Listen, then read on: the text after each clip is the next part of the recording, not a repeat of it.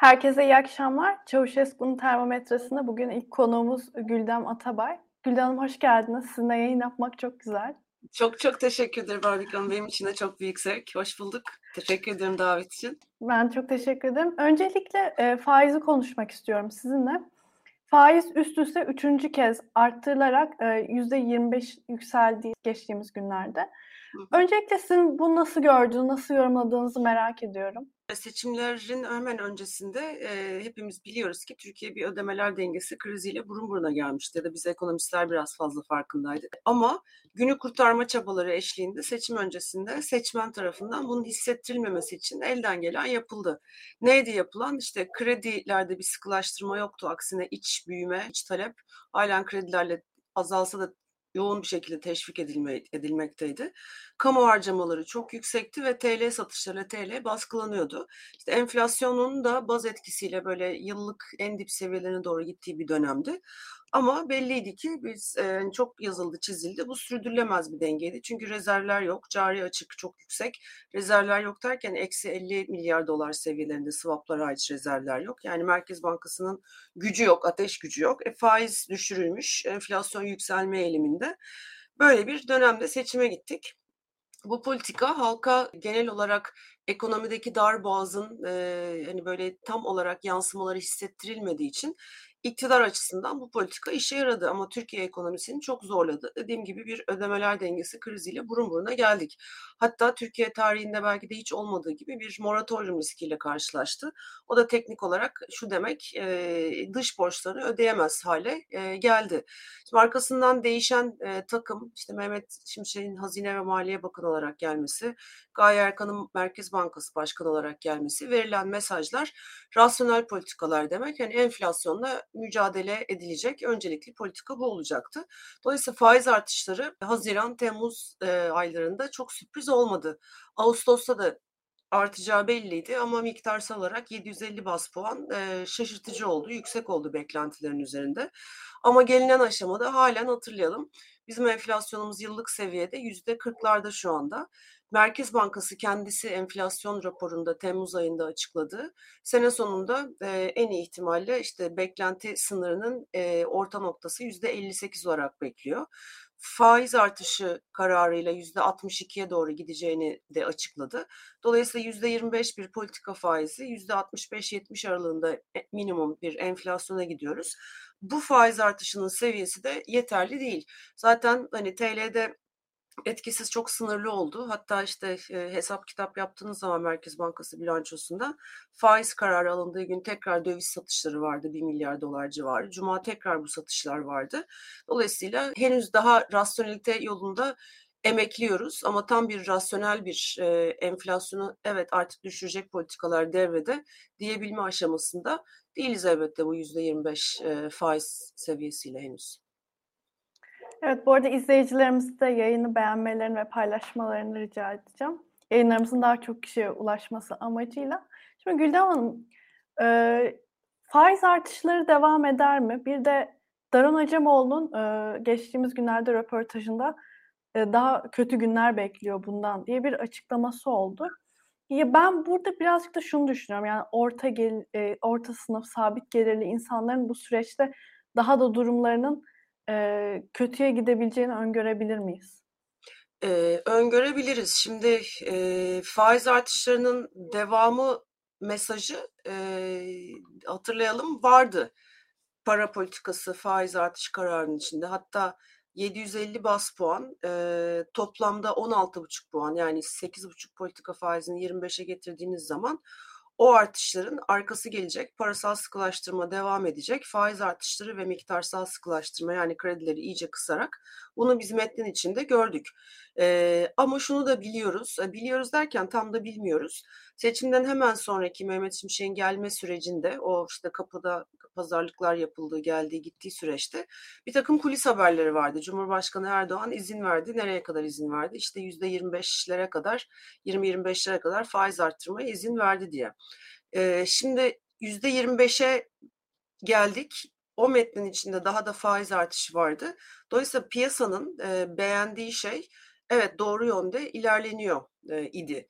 Fakat işte hafta sonu mesela Barış Soydan'ın haberi vardı. O haberde de anlatıyordu ki e, işte Cumhurbaşkanı Yardımcısı Cevdet Yılmaz bu Mehmet Şimşek'le beraber olan ekip diye düşünebiliriz. Yeni ekip hani o Nebatiler, o parlak gözler gittikten sonra gelen e, aslında eski AKP'li ama daha ekonomiden anlayan e, kişiler diyelim. İşte Erdoğan'ı ikna etmiş. Bakın hani kur korumalı mevduat diye bir şey var elimizde. Bu çok tehlikeli bir aşamaya geldi. Bizim faiz arttırmamız lazım.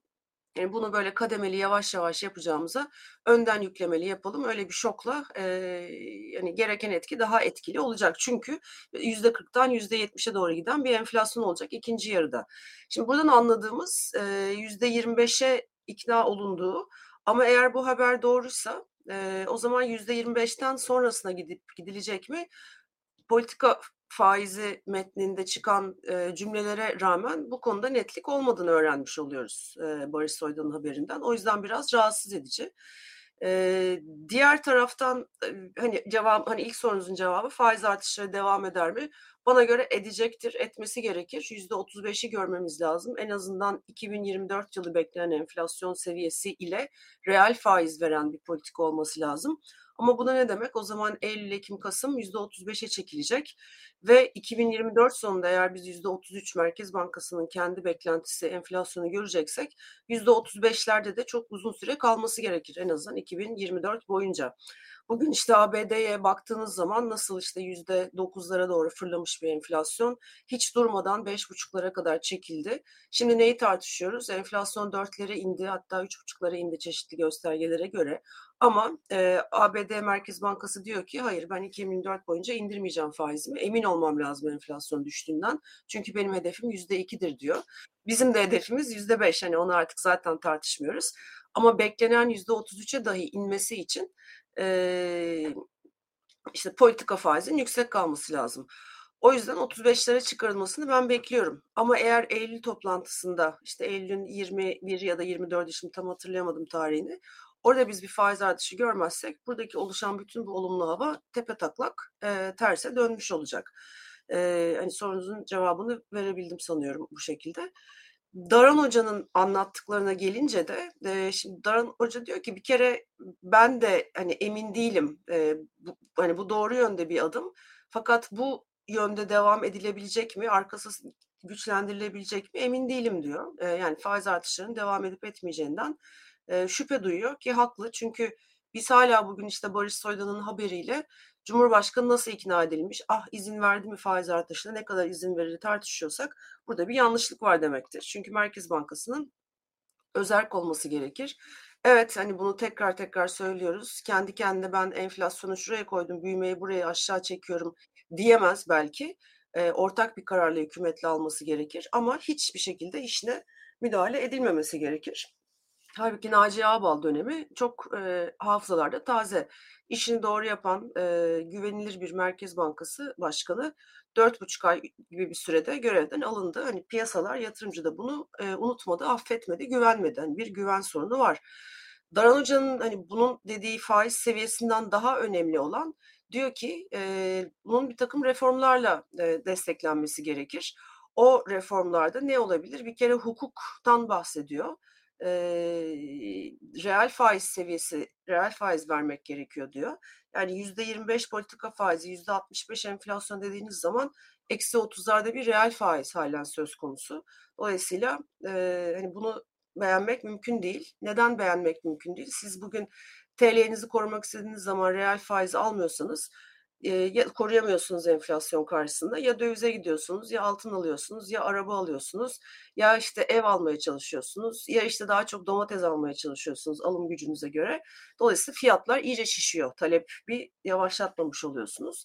Ee, işte reformlardan bahsediyor. Kurumsal reformlar olması gerekir diyor. İşte ama özgürlük ve demokratik haklar süslenmeli, desteklenmeli diyor. Yolsuzluğu kontrol altına almak gerekir diyor. İşte rekabeti azaltan e, durumları değiştirmek gerekir diyor. İşte yargı kurumlarının bağımsız olması gerekir diyor. E, verimlilik odaklı, teknolojiyi yakalayan, eğitime odaklı reformlar olması gerekir diyor. E, dolayısıyla da hani bunlar konusunda Daran Hoca'nın da umutlu olmadığını anlıyoruz. E, biz ben de hani bir çok daha e, hani Daran Hoca gibi MIT'li değilim ama hani görünen köyde kılavuz istemiyor. Bir hukuk reformu, bir verimlilik reformu, bir işte teknoloji reformunu bu hükümetten, bu iktidardan beklemek zor. Dolayısıyla geriye ne kalıyor? İşte ücretleri reel olarak düşürmeye devam etmek, faiz artışları eğer belli bir yerde duracaksa o zaman alım gücünü iyice e, öldürebilmek için işte ücret politikasını bu şekilde belirlemek. E, bu verimsizlik ortamında işte enflasyonun devam edeceğinden bahsediyor. Fakirlik ve işsizlik problemlerinin devam ettirilmesi burada işte enflasyonla mücadelede geriye kalan tek yol olarak sıralıyor. O zaman da sizin sorunuzun cevabı işte geniş halk kitleleri sabit gelirle yaşayanların üzerine bindirilmiş bir e, yük oluyor. Üstelik de enflasyonla ne kadar mücadelede başarı e, yakalayabileceğimiz de çok net değil. Dolayısıyla e, tabii ki hani e, hani başlık manşet çok dikkat çekiciydi. Hani Türk halkı daha çekeceği çok var. E, evet yani daha çekeceğimiz çok var. Zor günler bekliyor.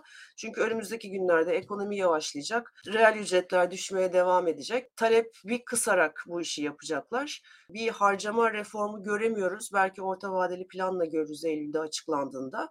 E, ama şu anda dediğim gibi orta gelirin, e, sabit gelirin üzerine düşerek, e, üzerine yoğunlaşarak bunu yapacaklar. KKM'lerin TL'ye çevirme hedeflerinin hakkında ne düşündüğünüzü merak ediyorum. Yani bu hedefleri gerçekçi buluyor musunuz? Şimdi aslında Aybüke Hanım hedef de çok açıklanmadı. Kur korumalı mevduat bugün 124 milyar dolar civarında 3.4 trilyon e, Türk lirası. Ağırlığı aslında şirketlerin getirdiği dövizler. O da biraz işte kur korumalı mevduat ilerlerken baktılar ki bir e, oraya tercih etmiyorlar. E, bir takım vergi avantajları devreye sokuldu. İhracatçının geliri e, Merkez Bankası'na aktarılırken kredi verme şartları kur korumalı mevduata geçerseniz bir miktar e, olarak dendi. Ve yaklaşık onun işte 124 milyar doların herhalde kabaca 100 milyar doları şirketlerde. Şimdi faizden önceki, faiz kararından önceki hafta sonu çıkan kur korumalı mevduattan çıkış başlangıcı kararında bu bankalar üzerindeki yaptırımlar bu şirketlerin elindeki kur korumalı mevduat üzerinde değil.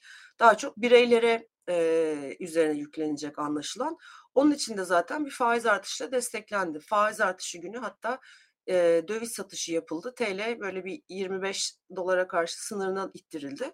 Yani neden de mevduat sahibine kur korumalı mevduattan çık, Bak faizleri arttırdık. %35 mevduat faizi bulabilirsin yaklaşık. Eğer kur korumalıdan dönersen sana daha da fazla faiz verecek bu bankalar. Çünkü onlara biz bir hedef koyduk. Eğer %50'sinden e, aşağısını da kalırsa yani dönen mevduatın %50'den altı düz TL mevduata döndüremezse biz onlara ceza veriyoruz. Ceza ne? Yüzde işte 15-20 faizlerle piyasada bulabileceğimiz hazine tahvillerini satın almak zorunda bırakıyoruz onları. Dolayısıyla burada bir yarış başladı. Yani aslında kur korumalı mevduatın biz işte 15-20 milyar dolarlık bir kısmından bahsediyoruz ilk etapta.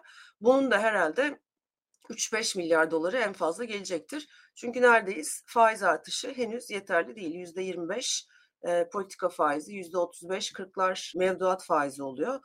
Biz enflasyonla %70'e gidiyoruz. Dolayısıyla neden insanlar düz TL mevduata dönsün?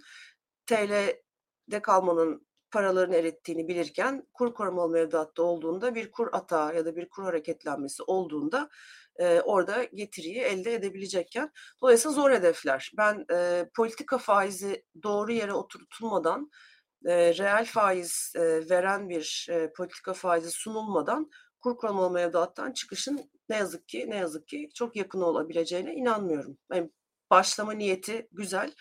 Çünkü neydi bu hani işte Nebati döneminde hedefler kur korumalı mevduata girilsin diyeydi.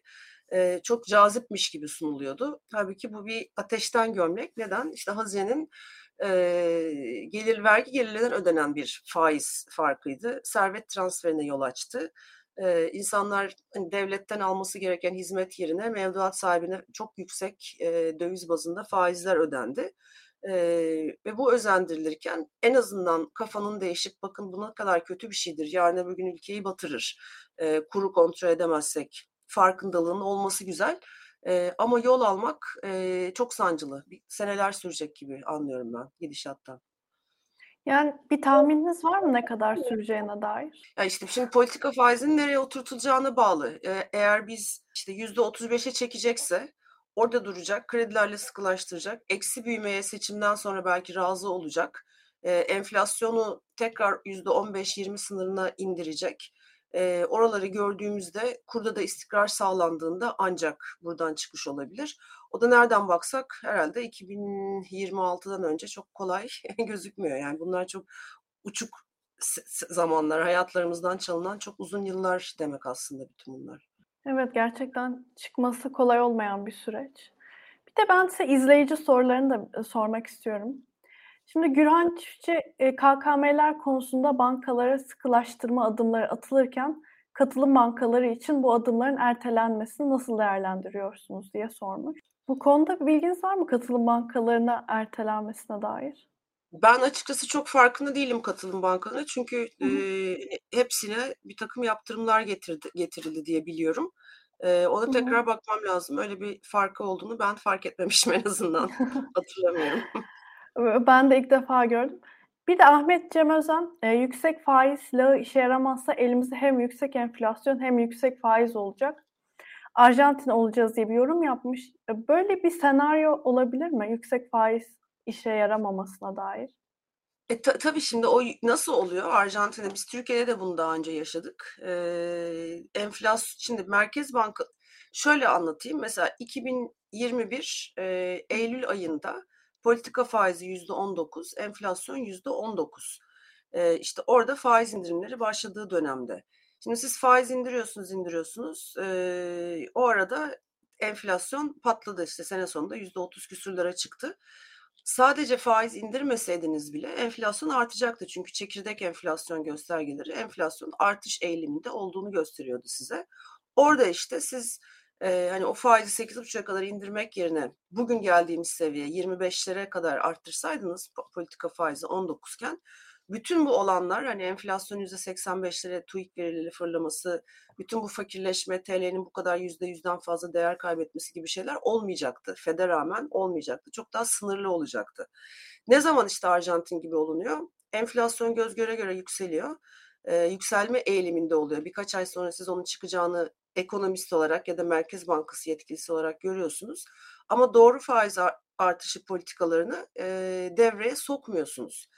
İşte o zaman hem faiziniz yüksek oluyor çünkü arkasından kovalıyorsunuz enflasyonu hem de enflasyon yüksek bir seviyede kalmış oluyor. Siz reel faiz vermeye başladığınızda hop enflasyon tekrar yükseliyor. O yüzden bu 750 bas puanlık artış önemliydi ve aynı sebeple de yetersiz. çünkü hızlıca yakalamanız lazım ki bir yerde noktayı koyun ama siz mesela işte diyelim ki 35'e çekeceksiniz ya da 25'te kalacaksınız. Bunu 150 bas puan, 50 bas puan, 250 bas puan gibi böyle aylar aylar aylar aralığa kadar yaparsanız enflasyon 70'e gelmiş siz ancak %25'e gelmiş olduğunuzu göreceksiniz. İşte o zaman Arjantinleşme riski var. Ama tabii Arjantin'in çok daha e, yapısal problemleri, işte siyasetle ilgili problemleri, oradaki çekişmeler hep çok benzer ekonomiler, benzetilir ekonomiler ama çok da farklı yapıları var hani onun ihracat yapabildiği ürünler, dış dünyadaki varlığı, e, ürünleri bazında ekonomik olarak onlar tabii Türkiye'den çok farklı. Türkiye daha avantajlı. E, ama işte zaman harcıyoruz gördüğüm kadarıyla. Umarım hiçbir zaman Arjantin olmayız diyerek. Umarım tabii. Hayatları kayar. Evet, aynen öyle. Evet ya şimdi bir de bu yayının başında özellikle seçim öncesi zamanında işte seçim ekonomisinden bahsettiniz. Çok önemli yerlere değindiniz. Şimdi önümüzde bir de yerel seçimler var. Bir yıldan çok az bir zaman kaldı. Yani acaba yerel seçimler öncesi de bir seçim ekonomisi uygulanır mı? Yani siz nasıl görüyorsunuz? Böyle bir senaryo olabilir mi? 2023 seçimlerinden önceki gibi muazzam muazzam senelere yayılan hani kontrolden çıkan hem maliye politikası hem para politikasıyla desteklenen şekliyle beklemiyorum. E, işte o zaman Türkiye'de artık e, ikinci bir şans olmaz. Hani bir Mehmet Şimşek daha bulamazsınız. Hani Daran Acemoğlu'nu getirseniz e, ki gelmez hani böyle bir yapıya. e, pek bir şey elde edemezsiniz. E, çünkü belli ki müdahaleler olacaktır. Ama ne olur? E, işte mesela asgari ücret artışı gibi daha popülist konularda adımlar e, ona göre atılır %70-75 aralığında bir enflasyon olacak 2024'ün ilk çeyreğinde benim hesaplarıma göre. Dolayısıyla ona uyumlu bir e, asgari ücret ayarlaması olur. Bu e, Temmuz'da hepimizi şok eden tüketim üzerine gelen vergiler çok eleştirdik. Neden eleştirdik? Vergi artışları bekleniyor. Bir kere deprem sebebiyle hepimizin elini cebine atması, geçici tekrarlanmayacağını bildiğimiz işte iki tane motor taşıt vergisi gibi vergilerin geleceğini düşünmek gerekiyordu. Onlar normal. Ee, ama biz ne yaptık? Hani bu vergi artışlarıyla tabii çok verimli alanlarda kullanmıyoruz elde edilecek geliri. Ee, ama mesela ÖTV'nin artması, mazotun %100 artması gibi şeyler çok etkisi yarattı. Bütçe açığını küçültelim, çok doğru. Ama o zaman kamunun da tasarruf etmesi lazım. Kamunun tasarruf etmediğini görüyoruz. Henüz öyle bir plan bile açıklanmadı. Yine orta vadeli planı bekliyoruz. Ne kadar gerçekçi olacak e, onu göreceğiz. Ama kamunun tasarruf etmediği, kamunun harcamaya devam ettiği bir yerde para politikasını ne kadar sıkarsanız sıkın enflasyonla mücadele yarım kalıyor. E, dolayısıyla ben yerel seçimlere kadar e, kamu harcamalarında çok ciddi bir e, daralma beklemiyorum. Kontrol altına alınması beklemiyorum. Belki şu birkaç ay işte Aralık Kasım'a kadar e, kontrollü gitmeye çalışacaklar.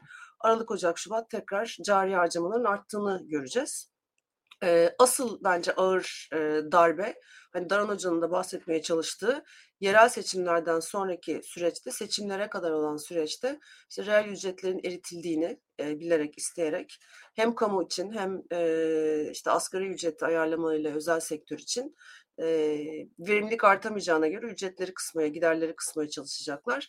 Asıl işte turbun büyüğünün hepimiz için e, ağır dönemin yerel seçimlerden sonra başlayacağını e, çok hafif bir e, seçim ekonomisi arkasından e, çok zorlu birkaç yıla gireceğimizi düşünüyorum. Hem büyüme açısından hem işsizliğin arttığı hem reel ücretlerin daraldığı. E, çünkü enflasyonun e, belini kırmanın e, başka yolları var ama bu hükümet şu anda bu yolların kolayına kaçıyor. Böyle 2000'lerin başındaki IMF politikalarını uyguluyor gibi gözüküyor. E, kamu harcamalarındaki tasarruf da herhalde seçimden sonra gelecek. İşte o zaman bayağı yaşam şartları ağırlaşacak diye düşünüyorum. Özellikle yani seçimden sonrasına bakmak lazım aslında. Seçimden sonrasına bakmak lazım. Hani yetmedi 2018'den beri çektiklerimiz aslında sanki e, gerçekten 2024 Mart ayından sonra 2025 herhalde e, en zorlu dönemimiz olacak şu son 5-6 sene içindeki. Özellikle orta yani orta sınıf ve e, sabit mevcut gelirli diyelim evet. evet sabit, sabit gelir. En çok herhalde onların e, hayatını zorlaştıracak bir dönem, döneme giriyoruz ki ben aslında şunu görüyorum artık orta sınıfta pek orta sınıflığı kalmadı. Evet. Giderek düşüyor. Düşüyor bir evet. De, bir de çok özür dilerim Arbika Hanım. Hani emeklilerin de durumunu altını çizmek lazım. Yani o e, çok insafsızca bir durum var orada. E, şimdi orada da anlattıklarına göre e, hani Ekim gibi, Eylül gibi zaten mümkün değil. Böyle bir ara dönem düzeltmesi değil. Sene sonunda tekrar işaret edilmeye başlandı. O da ne demek? Hani orada da bir yine göstermelik artış yapılacak. Tam seçimden önce böyle bir e, alım gücünde bir olumlu his gibi bir şey gelecek. Ama ne, ne, yap, ne yaptılar? İşte hem memurları hem emeklilere bu seyyanen zam denen kısım değişmiyor. İşte 8500 TL'ydi, e, 7500 TL'ydi. Hani o kısımlar sabit tutuluyor. Bir kök ücretlere zam getiriliyor enflasyon oranında. O da zaten reel anlamda eritmek demek e, ücreti. E, hani o numara tekrar yapılacak herhalde. Onu da aralığa saklamaları nedeni işte son atışlar artık seçimden önce böyle bir popülist adımlar. E, kandırmaca işte mecburiyetler üzerinden o fakirlik o açlık hali emeklinin e, böyle bir hani onlar akıntıda akıp gidiyorlar böyle bir dal atıp kurtarmak gibi olacak ama e, onun da etkisi yine göreceğiz ki açlık sınırının altında çok hızlı inecek. E, hatta emeklinin çoğu açlık sınırının altında kalacak bile. Demek istedim. Onun da altını vurgulamak istedim. Maalesef. Bir de yani şunu da merak ediyorum. Bankalar mevduat faizlerini ne kadar yükseltebilir? Yani yüzde 45 kadar mı? Yani bir de hükümet bankalara izin ne kadar izin verirsin? Tahmininiz var mı bu konuda? Şimdi e, tahmin aslında matematiksel bir şeye dayandırabiliriz bunu. Hı hı. E, politika faizinin arttığı gün e, izleyen günlerde biz BDDK'nın ya da Merkez Bankası'nın devreye girip kredilerdeki e, faiz sınırının kalktığını görmedik. Politika faizinin hala 1.8 katı kadar kredi e, faizi fiyatlanıyor.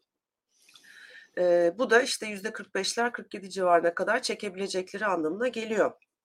E, ama onun üzerinde gerçekçi bir işte mevduatta şu kadar ödedik, e, hani krediye de bu kadar ödedik. Yani şöyle anlatayım daha doğrusu. Banka ne yapar? İşte mevduatla kredi arasında bir pozitif fark olması gerekir. Mevduat ona bir maliyettir, ödediği paradır. E, kredi de satın yani elde ettiği gelirdir. Eğer siz kredi faizlerini mevduat faizinin altında tutuyorsanız işte banka o zaman kredi vermek istememeye başlar. Geçtiğimiz dönemde neydi? Şirketlere krediler kamu bankaları üzerinden patlatıldı. Ee, özel bankalar daha çok bireysel kredilere yöneldi. Çünkü orada bir işte o sınırlama yok gibiydi. Ee, şimdi Mehmet Şimşek diyor ki bankalara da hayır artık reel sektöre bakın siz de işte sorumlusunuz öylesiniz böylesiniz diyor ama hani onlar da neden zarar etsinler neden öyle bir şey yapsınlar. E, bu sınırlar herhalde seçimden önce kalkmayacaktır. Politika faizi her yükseldiğinde 25'in üzerine gittiğinde bir 3-5 puan daha kredilerde faizinde artış e, olabilir. Ama orayı çok hızlı arttırmak istemediklerini e, anlıyorum ben e, seçim öncesinde.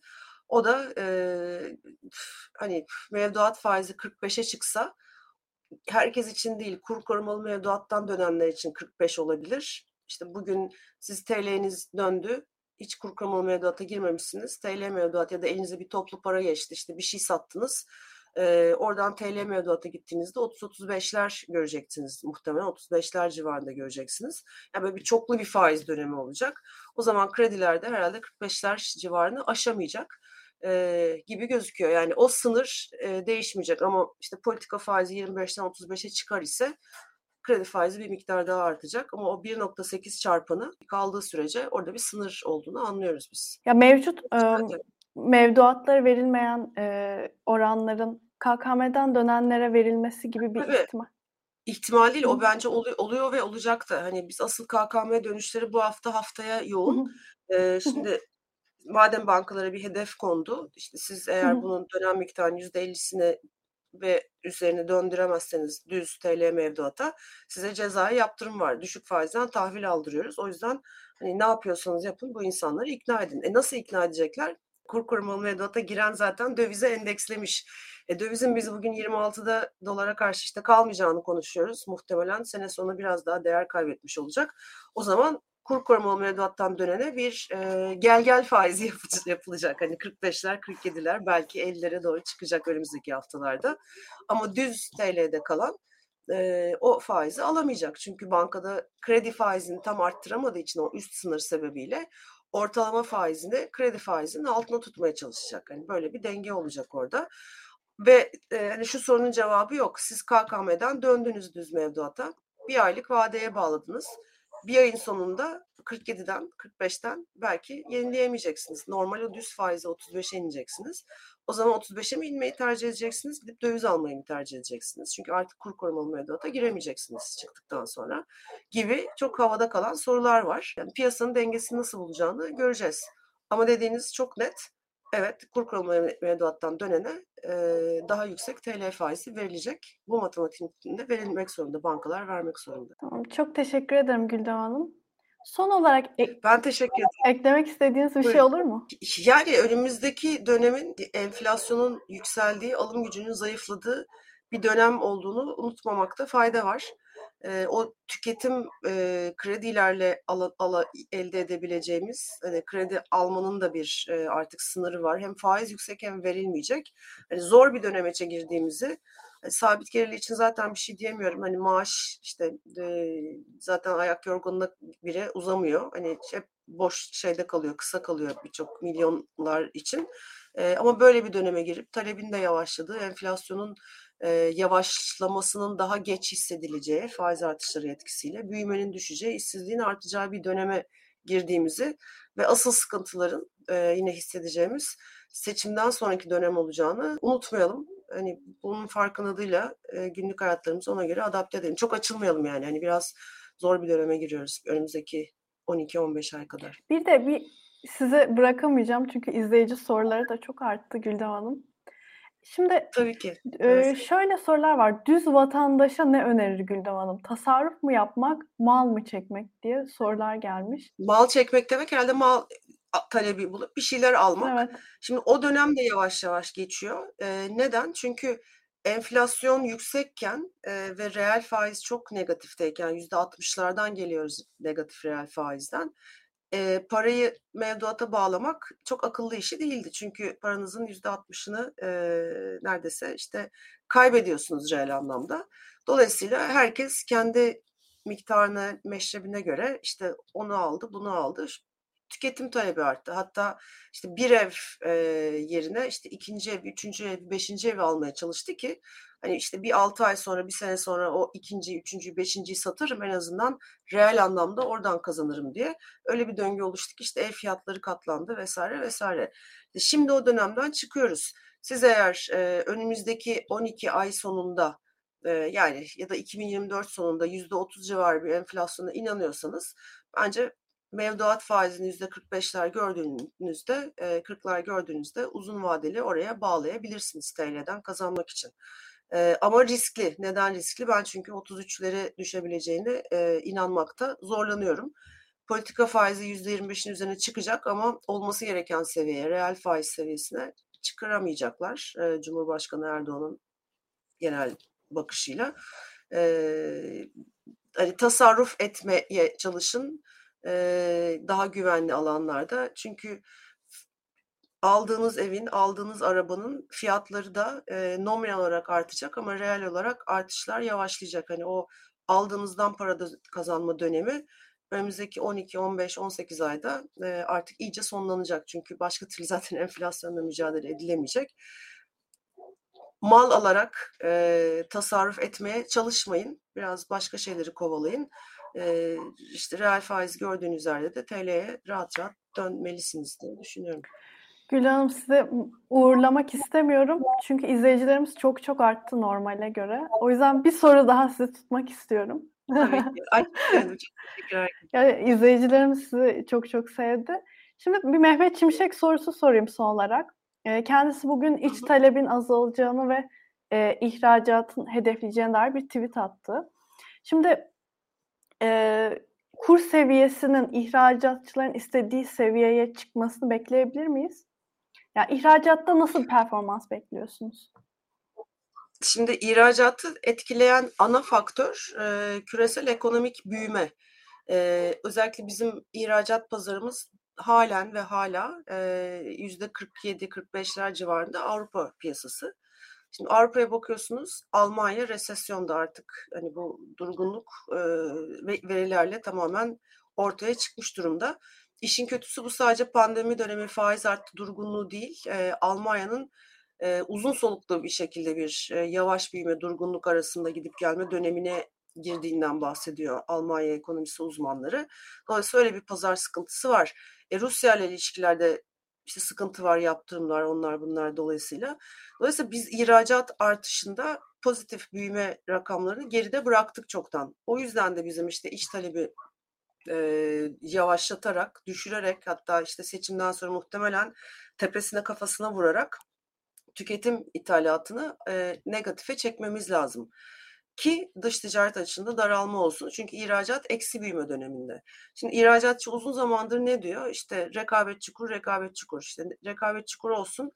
35'e 45'e çıksın dolar TL. İşte 6 ay satışları çok kolay olsun. Ee, ama arkasında işte Türkiye'deki 35'e çıktığında dolar TL ya da 40'a çıktığında biz biliyoruz ki 3 haneye yaklaşacak bir enflasyon olur burada ya da tekrar yüzdesi tabii yok doğru 3 haneye yaklaşacak bir enflasyon olur. O zaman tekrar diyecekler ki o maliyetler çok arttı işte işçi maliyeti arttı elektrik arttı tüketimi arttı vesaire bize şimdi 60 kur lazım. Yani bunu kovalayarak verim siz şey elde edemezsiniz. Çok kısa 3 ay 5 ayda bu kalır. Ee, küresel ekonomik talep de özellikle Avrupa'da yavaşlayıp eksiye dönmeye başladığında ihracat talebi e, sıkıntı olur. Yani kurla bir yere varamazsınız. O yüzden işte teknolojik yatırımlar yine Daran, Hoca, Daran Hoca'ya dönelim. Teknolojik yatırımlar, verimlilik odaklı e, bakış, üretim biçimlerindeki değişim, işte yapay zekanın gelmesi, işte vesaire vesaire gibi çok baş, bambaşka bir takım yerlere kafa yorulması gerekir. Yani Türkiye'nin bir avantajı e, Rusya-Ukrayna işgali arkasından e, bu küreselleşmedeki ikiye bölünmüşlüğün lojistik işte pandemiyle beraber lojistik olarak da bir ikiye bölünmüşlük yaratmış yaratıyor olması. İşte ABD diyor ki ben Çin'de üretmek yerine bazı parçaları artık yakın işte Latin Amerika ülkelerine gideceğim, Afrika'ya gideceğim, Avrupa'ya gideceğim ama o tarafa gitmeyeceğim diyor. Çünkü bir tedarik zinciri bozulduğunda işte domino etkisiyle Çin kapattı. Bütün dünya krize girdi o şekilde. Hem enflasyon hem de işte yokluk üzerinden. Dolayısıyla Türkiye'nin de avantajı Avrupa'ya yakın olması. Hani bunu kullanacak şekilde ilişkiler kurmak gerekir. Kur üzerinden rekabet çok arkaik, çok eski bir e, bakış açısı. Hani ekonomide elbette yeri var ama çok kısa süreli olduğu ispatlanmış. E, ve önümüzdeki 2 3 4 yılda küresel ekonomi yüksek faizle yavaşlarken, isteyerek yavaşlatılırken kurda varabileceğiniz yer çok sınırlı. Hani bunu istemek bana çok e, adil gelmiyor. Çünkü işte anında biz enflasyon olarak zaten e, sıkıntısını içeride hissediyoruz ve hiç de bir işe yaramıyor. Gülde Hanım çok çok teşekkür ederim. Bu arada izleyicilerden de size bir çok teşekkür mesajı geliyor. Yayınımıza konuk olduğunuz Ya ben teşekkür ederim. Herkese çok çok teşekkür ederim. Bu saatte seyrettiğiniz, dinlediğiniz için, davet ettiğiniz için. Yine yeniden görüşmek Evet, üzere. ben de çok çok isterim. Görüşmek üzere. Görüşmek üzere sevgiler. Şimdi e, birazdan İlkan Dalkuç gelecek. Onunla e, özellikle İçişleri Bakanı'nın Ali Yerlikaya'nın yaptığı e, bir e, şey röportajdan konuşacağız kendisiyle birlikte. E, kendisi e, göç politikalarında bir değişiklik olmayacağını e, söylemişti. Aynı şekilde devam edeceğini söylemişti. Ben şimdi İlkan'a bunun hakkında ne düşündüğünü çok merak ediyorum. Özellikle e, aynı şekilde vatandaşlık politikaları devam edecek. E, bu konu hakkında ne düşünüyorsun İlkan? Şimdi şöyle bir şey var. Ee, az önce ekonomi konuştuk, e, konuştunuz Aybike. E, Türkiye'nin göç ve vatandaşlık politikaları aslında e, ekonomi politikasının ne yazık ki bir bütünleyicisi durumunda. Şöyle ki e, bizim ülkemiz aslında son 10 yıldır adım adım bir ihracat ürünü olarak e, Türkiye'nin kendisini koymuş durumda. Yani Türkiye'nin kendisini koymuş durumda derken şu, yani bizim refahımız, bizim e, vatandaşlıktan doğan açıkçası tüm ayrıcalıklarımız, bizim e, Türkiye Cumhuriyeti vatandaşı olma halimiz Türkiye'nin bir numaralı e, satış ürünü, e, markası olmuş durumda diye düşünüyorum. Hatta e, bugün e, yavaş yavaş ilgi de çekmeye başladı. Özellikle e, Adalet ve Kalkınma Partisi'nin mesela Müslüman kardeşler elitiyle olan ilişkisinin neticesinde Türkiye'ye gelen e, ve Müslüman kardeşler mesela elitinin giderek başarısız olduğu yerlerden Türkiye'ye gelen elit e, orta düzey seviyede e, siyasal olarak oraya angaje insanlar var. Bunlar belli bir süre, e, belli bir maddi güçleri olan birazcık e, sistem içerisinde e, zor yer etmeye başlamış. Oradaki e, mevcut hükümetler arası kötü olan insanlar e, ve e, Arap dünyasından e, ve İslam dünyasından genelde böyle insanlar var. Bir orta üst düzey yönetici pozisyonunda olup Türkiye Cumhuriyeti vatandaşlığını alan insanlar var. Bir de onun dışında tabii e, özellikle Batı dünyasında yer alan, Batı dünyasındaki e, dönüşümden, değişimden rahatsız olan, e, oraya göç etmiş, orada büyümüş, orada e, bir hayat kurmuş. Yine İslami bir kitle yine Türkiye'ye geliyor. Bunların hepsi vatandaşlık oluyor. Tabii bunun yanında aslında e, geçen 200 sene öncesinde Sedat Peker'in mesela videolarında e, beraberce dinlemiştik. Her hafta aslında bir skandal açıklarken e, o skandallara dikkatle bakıldığı zaman o her skandalla Türkiye Cumhuriyeti vatandaşı olmuş bir Makedon, Türkiye Cumhuriyeti vatandaşı olmuş bir Kazak, Türkiye Cumhuriyeti vatandaşı olmuş bir Azeri falan gözüküyordu. Ve aslında bunların da e, çok basit bir hikayesi var e, karşımızda göreceğimiz. E, siz bir legal sıkıntı yaşıyorsanız vatandaşlık değiştirmeniz çok faydalı oluyor size. Yani herhangi bir konuda e, fiili olarak bir affa uğramış oluyorsunuz. Vatandaşlık ülke değiştirdiğiniz anda aslında hayat size e, yeniden başlatıyor e, şartları. Biraz da işin bu tarafları bunlar da ekleniyordu. Ve yarı illegal, yarı legal bir e, politika ile beraber hem Türkiye'nin konut piyasasında e, zaten biliyoruz ki uzun süreler de düşük faizde e, kurlar, pardon, düşük faizler, düşük faizli konut kredileriyle Türkiye desteklenmeye çalışılan konut sektöründeki fiyatlar bir yandan da böyle e, yabancıların da e, talep e, yönünde e, girişiyle beraber e, piyasaya desteklenmiş oldu diye düşünüyorum. E, bunun yanında e, karşımızda e, karşımızdaki hissettiğimiz şeyler şunu hissettiriyor bize. Eee hükümetin bu, tepkilere rağmen bu politikadan vazgeçmesi kolay değil. Yani bu hem ideolojik hem ekonomik olarak bu duruşun içerisinde duruyor. Hükümet mesela, bizde de muhalefetin, içerisinde bu gelen yabancılara karşı bir tepki var ama tepki aslında, üzülerek söylüyorum amatör bir tepki. Yani, çünkü mesela bir bir grup, tepki duyulan kişi turist. Ve mesela Türkiye'deki turizmin yarattığı bir, eee, belli noktalarda bence sakıncalar da var. Turizmin de kısıtlanması gereken yerler olduğunu düşünüyorum mesela. Türkiye'de turizm çok daha fazla, çok daha, eee, şöyle söyleyelim, çok daha, eee, yüksek katma değer hedefleyen bir yapıda olması gerekir. Çok daha belki sofistike yapılması gerekir. Bugün, eee, Venedik gibi, Barcelona gibi, Paris gibi, eee, Avrupa şehirlerinde, Londra gibi Avrupa şehirlerinde turizme karşı halktan, eee, yoğun tepkiler geliyor. Aslında bütün bunların karşısında şunu görüyorsunuz. Iıı, bizde turizm bir şekilde insan gelsin de ne olursa olsun. Çünkü neden? Türkiye'nin bir döviz meselesini çözümü olarak gördüğümüz için biz zaten, hani, eee, meseleye daha sürdürülebilir bir katma değer çerçevesinden bakamıyoruz. Döviz gelirsin gelsin de ne olursa olsun çerçevesinden bakabiliyoruz. Zaten onun sonucunda da Türkiye zaten dünyanın, eee, her yerinden, her şekilde turist gelsin de ne olursa olsun gelsin noktasında yer alan bir ülke hâline geliyor. E, bir yandan bir bir Suriye meselesi var. Türkiye'nin Suriye politikasının sonucu olan bir Suriyeliler meselesi var. Onun dışında Türkiye'nin bir sığınmacı meselesi var. Afganistan'dan ve İran'dan gelen, eee, bir, eee, yasa dışı, eee, kaçak göç meselesi var. E, onun üzerine tekrar üstüne geliyoruz. Eee, hani, turizm meselesi, kaçak göç meselesi bir de bu vatandaşlık meselesi. Aslında bunlar farklı farklı yapılar ve ama, eee, genel olarak tepki böyle bir genel bir kızgınlık üzerinden geliyor. Bunu Bilgehan, daha önceki yayınlarda ifade etti. Yani bir edepsiz, adamın çektiği TikTok videoları üzerinden biz tepki gösteriyoruz ama karşımızda AKP'nin aslında farklı farklı yerlerinde farklı farklı, amaçlarla uyguladığı bir politika var. Biz bunu dışarıdan görüyoruz ve yeterince anlamlandırmıyoruz ve yeterince tanımlamıyoruz diye düşünüyorum. Ya, çok basit bir şekilde şöyle söyleyelim. Türkiye'ye para getiren insanlara, belli ayrıcalıklar sunulması yanlış değildir kategorik olarak. Ama şunu biliyoruz ki mesela bu tarz ayrıcalıkların sunulduğu ülkelerde de bu iş sürdürülebilir olmaktan çıkmış durumda. Mesela şöyle söyleyeyim ben, bunları en çok sunan sunan ülkelerden bir tanesi mesela Portekiz. Eee, Portekiz, eee, noktasında şöyle bir şeyle karşılaştık. Portekiz ekonomisinde de Portekizliler de bundan çok tepkiyle karşılaştılar ve Portekizliler de memnun değiller. Veyahut da, eee, şöyle söyleyelim, eee, şu an siz Türkiye Cumhuriyeti vatandaşı olarak Yunanistan'dan, eee, bir konut almak isterseniz birçok yerden alamıyorsunuz.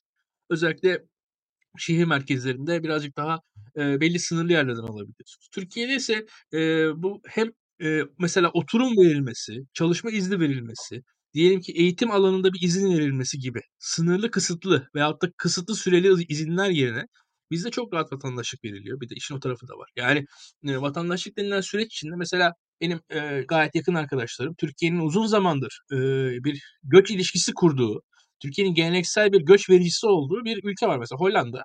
Eee, benim arkadaşım şu an Hollanda vatandaşlık, eee, Hollanda'da vatandaşlık sürecinde. Hollanda'da bir ev aldı, hani, açıkçası. Hollanda'da bir üniversitede akademisyen bu arada bahsettiğim insan.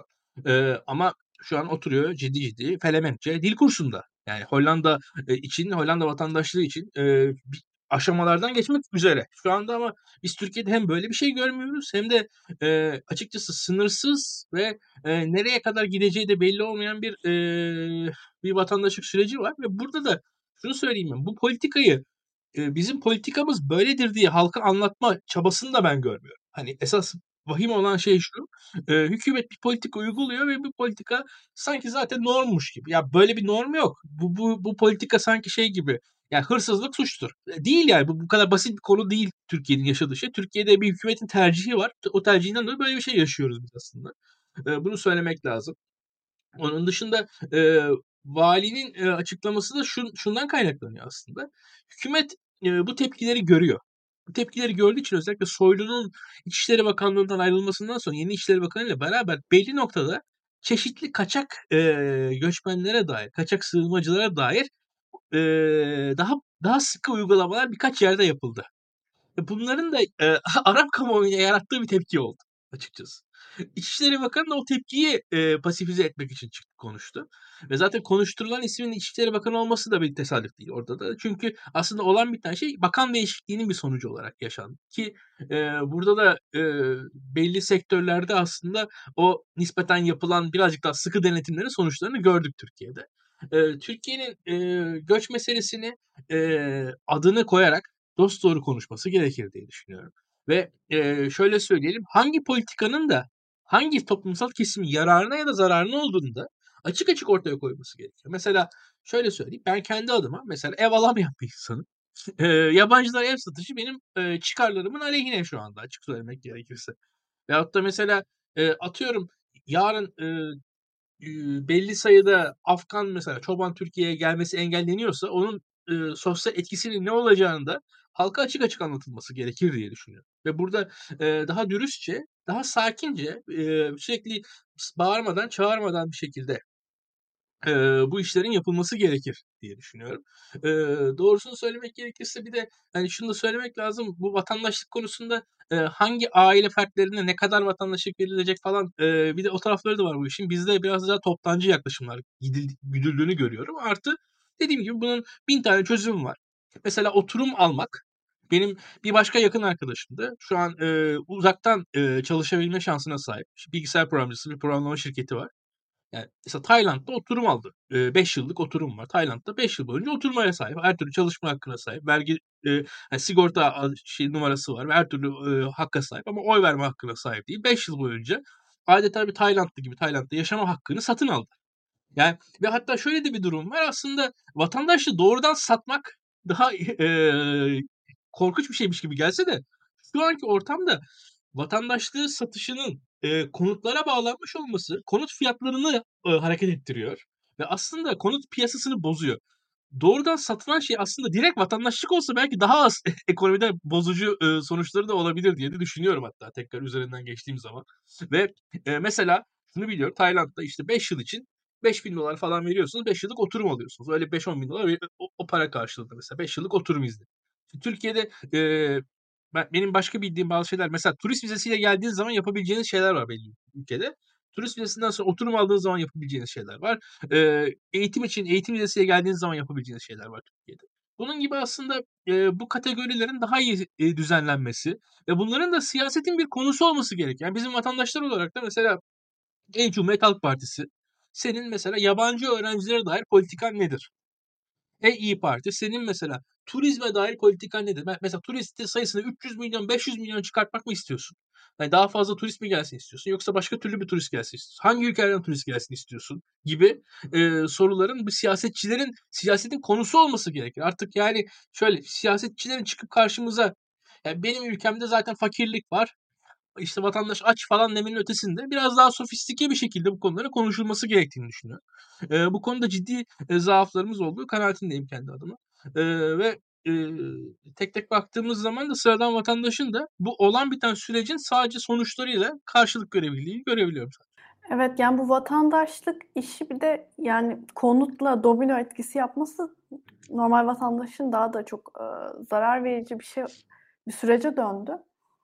Bir de mesela bir izleyici şöyle bir yorum yapmış İlkan. Hocam Prag'dan bildiriyorum. Kalıcı oturum için A2 dil bilgisi artı 5 yıl oturma şartı var. Ya şöyle bak Aybüke mesela şöyle durumlar var. Şimdi bir insan bildiğim başka e, enteresan e, vatandaşlık hikayeleri var. Kişi mesela vatandaşlık almış. E, konutu var Türkiye'de ama mesela 5 yılda Türkiye ile alakası yok vatandaşlığı aslında kendisinin yaşadığı ülkedeki pozisyonunu kurtarmak için almış durumda. E, Türkiye'yle de bir alakası yok. Türkiye'de sadece o, o vatandaşlık için bir konut alınmış durumda. Türkiye'de uğradığı yok aslında. Birçoğunun e, ya bazı vatandaşlıklar da bizim daha bilmediğimiz yerlerde vatandaşlıklar var. Ki şu anda mesela e, ben onu dolaylı yoldan takip etmeye çalışıyorum. Şu an Müslüman kardeşler yapısına yönelik Mısır'ın ciddi baskısı var. Mesela kimi Müslüman kardeşler yöneticileri atıyorum Suudi Arabistan'da yakalanıyorlar. Bir anda bakıyorsunuz ki Suudi Arabistan'da yakalanmış Mısırlı Müslüman kardeşler yöneticisi Türkiye Cumhuriyeti vatandaşı. Yani Türkiye Cumhuriyeti de aslında vatandaşını sanki vatandaşı değilmiş gibi bir şekilde normalde bir Türkiye Cumhuriyeti vatandaşı tutuklandığı zaman e, daha müdahil olması beklenen Türkiye Cumhuriyeti biraz daha az müdahil oluyor şu an Mısır'la ilişkileri toparlamak için. Ya düşünüldüğü zaman utanç verici aslında olan bir şeyler. Yani e, bir, bir pazarlıklar orada yapılıyor ve biz hiçbir yerinde değiliz sıradan vatandaş olarak. Sadece bunun bedelini ödüyoruz biz burada. Yani şu anda bir grup bir Mısırlı Mısır'dan kaçıyor Suudi Arabistan'a gidiyor. Oradaki o gidişini sağlamak için biz buradan vatandaşlık veriyoruz ona. Ve o oradan bir şeyler yaşıyor. Fakat biz Mısır'la anlaştığımız için şu an tekrar Suudi Arabistan'a Mısır'a giderken bir şey yapılmıyor. Bak, yani hakikaten komedi bir durum e, Türkiye'nin yaşadığı. E, ve e, beni üzen şey şu. Ben vatandaş olarak bunun tamamen dışındayım. Birileri bir işler için bir paralar alıyor, bir anlaşmalar yapıyor, bir şeyler oluyor, bir büyükler bir şeyler yapıyor arkada. Ben vatandaş olarak tüm bu hikayenin dışında kenarda seyreden ve sadece maruz kalan aslında benim. Yani e, ve e, bu siya bunun siyasetinin hiçbir şekilde içinde değilim. Yani buradaki tartışmaların içinde değilim. E, ancak e, işte şey bir e, konuda Bilgehan dediği gibi işte bir tane edepsiz adam e, TikTok çekiyor onun üzerine konuşuyoruz. Yani şu anda mesela Mısır'dan kaçan bir adam Suudi Arabistan'da yakalandı. Türkiye Cumhuriyeti vatandaşı olarak yakalandı. Nasıl yakalandı? Çok basit aslında buradaki hikaye ama e, biz bunu hiçbir yerinden tartışmıyoruz açıkçası. E, bunun yanında tabii turizm meselesini zaten Bilgehan e, daha da iyi anlattı. Pakistan'dan turistler geliyor Türkiye'ye. Bugün bakılırsa ciddi şekilde herkesin akrabaları falan Türkiye'de. Arap dünyasında neredeyse o hale gelmiş durumda ve e, yavaş yavaş enteresan bir kavram var. Ya, Türkiye'ye hicret etmek diye bir şey çıkıyor ortaya. Şu anda e, belki daha başka yayınlarda konuşacağız. E, gerçekten şu an dünyanın biraz bir e, kadın erkek ilişkisi meselesi var mesela. Bu yüzden de Batı dünyasındaki Müslüman erkekler mesela Türkiye'de evlenmek istiyorlar. Şimdi böyle şeyler var e, ve bunu, bunu daha göreceğiz biz. Yani çok enteresan şey, şeyler göreceğiz. Özellikle e, o konularda şu an e, insanlarımız fark ettiler. YouTube'da enteresan videolar falan var böyle 10 binler 20 binler izleniyor. Türkiye'de hayat nasıl? Türkiye'de özellikle bu pandemi sonrasında birçok insan işini uzaktan da yapabildiği için aslında göç daha kolaylaştı ülkelere. Birçok işini uzaktan yapabilen insan göç etmeyi tercih edebiliyordu özellikle.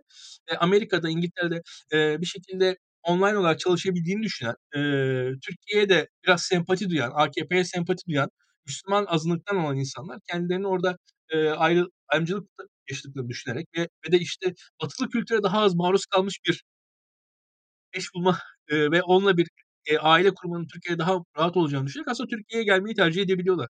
E, ve e, şöyle söyleyeyim yani ben şu anda Amerikalı siyah bir beyefendinin Konya'da hayat nasıl olur?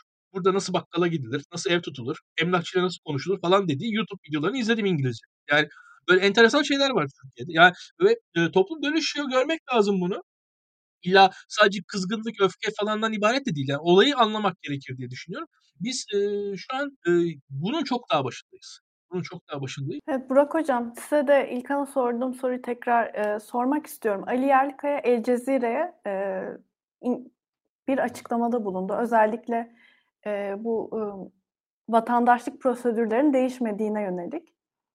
Ve e, bu süreci nasıl etkileyecek? Yani Türkiye'de süreç hep böyle devam edecek mi? Vatandaşlık e, Türkiye'de kolay alınan bir şeye dönüşür, dönüşmeye devam edecek mi? Siz nasıl yorumluyorsunuz? Bence devam edecek. Çünkü bunun AKP'nin tercih ettiği yolla çok ciddi anlamda bir alakası var. Daha önceki programlarda da söylemiştik. Türkiye ciddi sermaye açığı olan bir ülke ve bunu temin etmesi gerekiyor.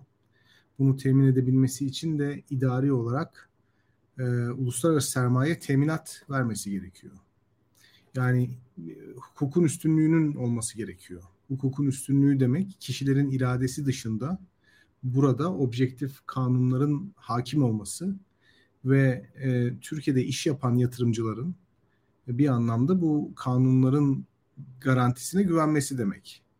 İkincisi Türkiye'de başkanlık sistemiyle birlikte tabii parlamentonun zayıflaması, bürokratik kurumların partizanlaşması, aşınması, yıpranması gibi olgular söz konusu. Dolayısıyla karar alma süreçlerine çok fazla lobi ve network etki ediyor. Bu da e, kamu gücünü e, bir şekilde kendi çıkarı için kullanabilen lobiler kavramını gündeme getiriyor. Bu önemli bir şey. Bunu asla gözden kaçırmamamız gerekiyor. Mesela turizm lobisi üniversite sınavının tarihini değiştirebilir. İnşaat lobisi Türkiye Cumhuriyeti faiz oranlarını değiştirebilir. Bunlar memleketin hayrına olan e, adımlar değiller. Yani daha doğrusu atılırken memleketin hayrına olsun diye atılmış adımlar değiller. O dönemde e, iktidar üzerinde etkili olan, lobisi kuvvetli olan çıkar gruplarının menfaatini kollamak için atılan adımlar. Dolayısıyla bu bir belirsizlik yaratıyor. Yani çünkü baktığınız zaman karar alma süreçlerinde bir şeffaflık talep edersiniz. Mesela Çin Komünist Partisi'nin karar alma süreçleri aslında çok demokratik olmamasına rağmen iyi kötü bazı prosedürlerin uygulanacağı bir sistemdir. E, veyahut e, demokratik sistemlerde karar alma süreçleri parlamentolar üzerinden yürür. Medya bunları tartışır, sivil toplum iştirak eder. Yani bir şeffaflık vardır. Fakat Türkiye'de maalesef bu şeffaflık yok. Yani geride bıraktığımız özellikle 5 sene içerisinde kuvvetli lobilerin Türkiye'de kamu gücünü kendi çıkarları için kullandığını gördük. Bu da ciddi anlamda bir belirsizlik yaratıyor. Yani Türkiye'de para kazanmaya çalışan insanlar para kaybettiler. Bu operasyonu kimin için çektiniz diye bir manşet yayınlandı ve Merkez Bankası Başkanı görevden alındı. Merkez Bankası Başkanı'nın görevden alınmasıyla birlikte yeni ekonomi programına geçildi. Dolayısıyla Türkiye'ye güvenip parasını getiren yatırımcı orada çok ciddi anlamda para kaybetti. Şimdi bütün bunlar Türkiye'nin o sermaye açığının kapanmasına engel oluyor açık konuşmak gerekirse. Yani keyfilik, keyfi yönetim, kurumsal olmayan, bürokratik özelliğe dayanmayan, kurumsal kapasiteyi zayıflatan eğilimler yabancı yatırımcının Türkiye'ye gelmesini ve Türkiye'nin sermaye açığını kapatmasını bir şekilde engelliyor. Dolayısıyla Türkiye'nin bu sermayeyi bir şekilde bulması gerekiyor ve bu sermayeyi bulmanın yolu olarak da açık kapı politikasını benimsemiş gibi gözüküyor. Yani bu demografik meseleleri konuştuğumuz zaman aslında böyle içgüdüsel ve travmatik tepkiler vermek yerine bunun bilinçli bir politika olduğunu e, kabul etmemiz. E, duyuyor, duyuyor musunuz? Ha, şimdi geldiniz Burak Hocam. E, biliyorsunuz Kasım seçimlerinden önce e, Ahmet Davutoğlu ile Merkel arasında çok iyi bir diyalog vardı ve Türkiye işte bu göç meselesini gündeme taşıdı. Aslında orada Ahmet Davutoğlu'nun amacı bir anlamda göç meselesini bir kaldıraç olarak kullanıp işte vize serbestisi konusunda bazı tavizler koparmaktı. Fakat 2015 senesinin sonbaharında dünyada Avrupa'da e, aslında bu göç meselesi çok konuşuluyordu. E, ve e, orada şöyle bir şeyi keşfettiler. O zamanlar Avrupa Birliği ve sistemin otokratik eğilimlerine verilen tepkiler Türkiye'de daha e, hassas karşılanıyordu. Göç meselesi üzerinden Avrupa Birliği ile ilişkilerin kurulacağı, yeni bir kanal oluşturacağı, en azından hükümetler arası anlamda bir çıkar meselesinin söz konusu olduğu. Dolayısıyla bunda iyi bir şey oldu. Yani Türkiye-Avrupa Birliği ilişkiler arasında iyi bir şey olduğu düşünülüyordu. E, fakat bu tabii zaman içerisinde e, Türkiye-Avrupa Birliği açısından iyi bir şey olmadı. Tam tersine Türkiye'deki demokratik geri gidişin Avrupa Birliği tarafından tolere edilmesi anlamına geldi. Yani çok enteresandır mesela. 2013 senesinde gezi olayları yaşanırken Türkiye'deki rejimin otokratik karakterine en çok dikkat çeken Avrupalı lider Angela Merkel. Ee, inanılmaz bir şey. Yani bağrına ateş düşmüş gibi. Her dakika bir beyanat veriyor. Biz de tabii o zamanlar gezi olaylarında sokaklarda olan insanlar uluslararası toplum hükümetin üzerinde baskı kurdukça seviniyoruz. Yani hükümet buna çok hassas davranacak ve koşulları iyileştirecek gibi. Fakat orada başka bir şey varmış. Bunu tabii anlıyoruz bir noktadan sonra. Türkiye'nin e, Avrupa Birliği üyesi ol, olacak kadar demokratik bir ülke olmadığını işte söylüyor ve oradaki demokratik sıkıntıların ki bunlar var sonuna kadar vardı e, bir anlamda siyasetini yapmaya çalışıyor. Aynı Merkel Türkiye'deki demokrasi durumunun, Türkiye'deki rejim şeklinin, Türkiye'deki otoriterleşmenin nereye gideceğini, nerede duracağını falan dert etmeden bu Türkiye'nin e, Suriyeli sığınmacıları bir şekilde e, e, ülkesinde e, barındırması, beslemesi, sahip çıkması veyahut Avrupa'ya gelen e, göçün bir şekilde Türkiye'ye Türkiye'nin tampon bölge olarak kullanılması ve Türkiye'nin bu insanların Avrupa'ya geçişine izin vermemesi gibi konularda e, yaptığı e, fedakarlıkları ya da attığı adımları e, gayet stahişle karşılıyor ve Türkiye'deki demokrasi artık Merkel'in gündemine falan gelmiyor. Yani 2013 senesinde Türkiye'nin demokratik olmadığını bas bas bağıran Merkel işte bu göçmen meselesi ortaya çıktıktan sonra aslında Türkiye'nin Avrupa Birliği ile kurduğu bu çıkar temelli hükümetler arası ilişkiden de gayet memnun oluyor.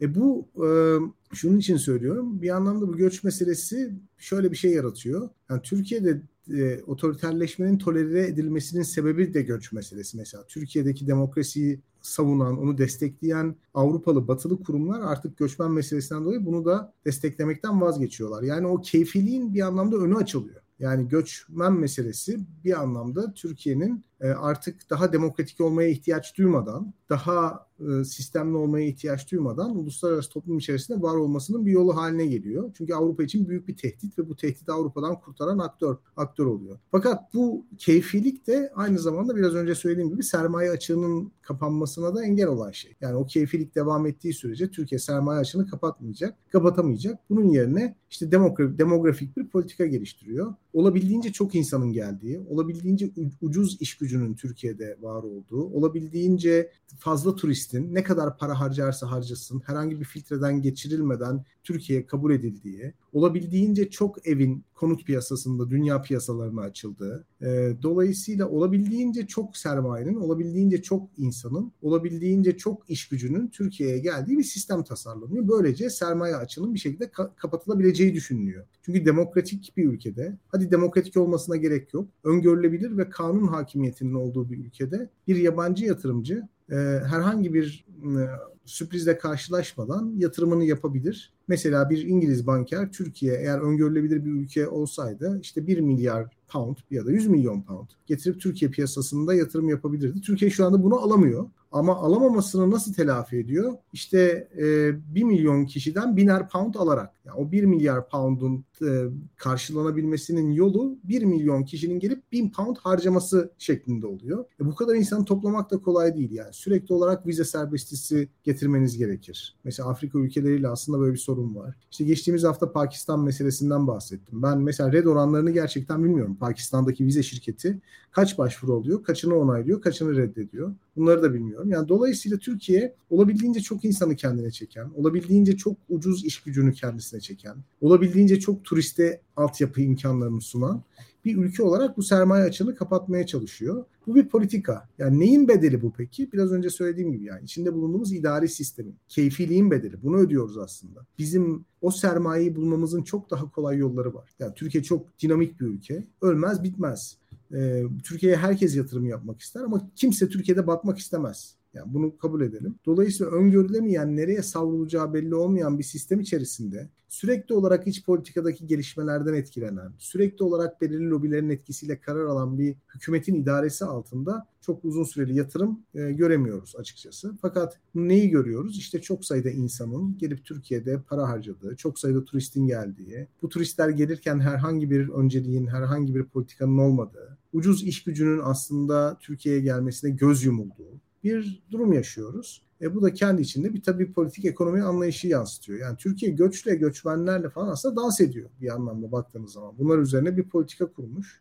O yüzden hani Türkiye'de göçmen sığınmacı meselesinin sahiplerinin anlattığı gibi hükümette bir acziyet yok. Yani bir irade sıkıntısı, bir e, kararlılık problemi yok. Yani bu insanlara baktığınız zaman e, işte Amerika Suriye'ye niye karıştırdı? Çünkü göçmenleri Türkiye'ye gelip yok etmek istiyordu gibi bir hikaye aslında bir şey yok. Yani AKP bu John Key'nin söylediği new despotizm. Yani o kadar çabuk öğreniyor ki mesela bir sorunla karşılaştığı zaman bu sorunu çözebilir, çözemeyebilir ama önemli olan o sorunun nasıl pazarlanacağı ve o soruna kendisini nasıl adapte edeceği. Yani 2011 senesinde 100 bin e, sığınmacı sınırı vardı Türkiye için. Yani 100 bini geçmesini istemiyordu. Ahmet Davutoğlu'nun beyanatı var. Fakat geçti. E, bir sonraki adım eğer bu engellenemiyorsa e, milyonları bulan sığınmacı sayısıyla nasıl politika yapılacağı oluyor mesela. Onu Avrupa Birliği'ne karşı politik bir koz olarak kullanıyor. Yine bununla beraber ucuz iş gücü, işte turizm gelirleri falan bunlar yeni bir ekonomi yaratıyor kendi içinde. Bu da aslında baştan çıkartıcı bir şey çünkü çok uluslararası sistem içerisindeki kurallara uymakta zorunda değilsiniz artık. Yani çünkü sınırlarınızı açıyorsunuz. Yeteri kadar turist geliyor. Mesela son ay galiba Temmuz ayında 7 milyon turist gelmiş. Bu muazzam bir şey aslında. Ee, yanılmıyorum değil mi? 7.1 milyon Mehmet Şimşek açıkladı. Ee, böyle bir şey. Bu muazzam bir rakam. Ee, bu çok kolay bir para aslında. yani çok kurallı olmanıza gerek yok. Çok e, sistemli olmanıza gerek yok. Çok öngörülebilir olmanıza gerek yok. İşte ucuz tatil imkanı sunuyorsunuz. Kur politikası da aslında biraz buna hizmet edince e, baktığınız zaman böyle abuk sabuk hiç kendinizi terbiye etmeye ihtiyacını olmadan bir bir ekonomi yaratmış oluyorsunuz. Yani bu göçmen sığınmacı meselesi bence hani çözümsüzlüğe niçin kavuşuyor? Yani birinci sebebi hükümetin burada bilinçli bir politikasının olması. İkinci sebebi de göçmen sığınmacı meselesinin aslında çok doğru zeminde konuşulmaması. Bunları kategorize edebiliriz. Mesela Afrika'dan vizesiz Türkiye'ye gelenler bence ayrı bir kategori. Ya da bu Davutoğlu döneminde vize anlaşmalarıyla Türkiye'ye rahat geçiş yapan insanların Türkiye'de bulunmaları ayrı bir kategori. Ee, Orta Asya'dan gelenler, Türkiye'de çeşitli hizmet sektöründe yer alan insanlar ayrı bir kategori. Ee, Suriye'den gelenler ayrı bir kategori. Afganistan'dan savaş sonrası, daha doğrusu Taliban'ın ele geçirmesi, Afganistan ele geçirmesi sonrası gelenler ayrı bir kategori. Ee, yani Pakistanlı turistler ayrı bir kategori. Yani bunların hepsini ayrı kategoriler halinde değerlendirdiğimiz zaman hepsine birer çözüm de bulabiliriz. Hepsinin aslında top tam olarak hükümetin politikasına işaret ettiğini de görebiliriz. Ee, benim bu konuda söyleyeceklerim bu kadar. Yani e, ortada bir zafiyet, bir iradesizlik, bir e, şuursuzluk falan görmüyorum açıkçası. Yani daha az vatan sevgisinden kaynaklanan bir durum olduğu kanaatinde de değilim. Hani bu adamların hani bunu yaparken ki motivasyonu da hakikaten sermayenin gelmesi, bir şekilde ekonominin dönmesi, e, işte ne bileyim e, inşaat sektörünün devam etmesi gibi şeyler. Yani çok evil, çok şeytani düşüncelerle hadi Türkiye'yi batıralım gibi bir düşünce yok. E, son olarak da İlkan bahsetmiştir herhalde ben geç bağlandım. Türkiye'nin çok iddialı bir dış politika ajandası var. Yani Türkiye Libya'da savaşıyor, Türkiye Suriye'ye girip çıkıyor. Bunların olabilmesi için hatta eğer yanılmıyorsam yani o, o çok hatırlamıyorum ama bu e, bazı yerlerde de Suriyeli savaşçıların görüldüğü söyleniyor işte mesela çok teyit edemiyorum ama hani Ukrayna'da Karabağ'da falan böyle böyle haberler çıkar sürekli. E, yani burada aslında bir paralı asker sektörü var Suriyelilerden kaynaklanan ve o Türk dış politikasının aslında bir aracı haline de gelmiş durumda. Yani Libya'da Türk askeri çatışmıyor mesela. Yani ağırlıklı olarak sahada zeminde hayatını riske atan asker bizim ülkemizin çocukları değil. Yani Falih Rıfkı Atay'ın Zeytin Dağı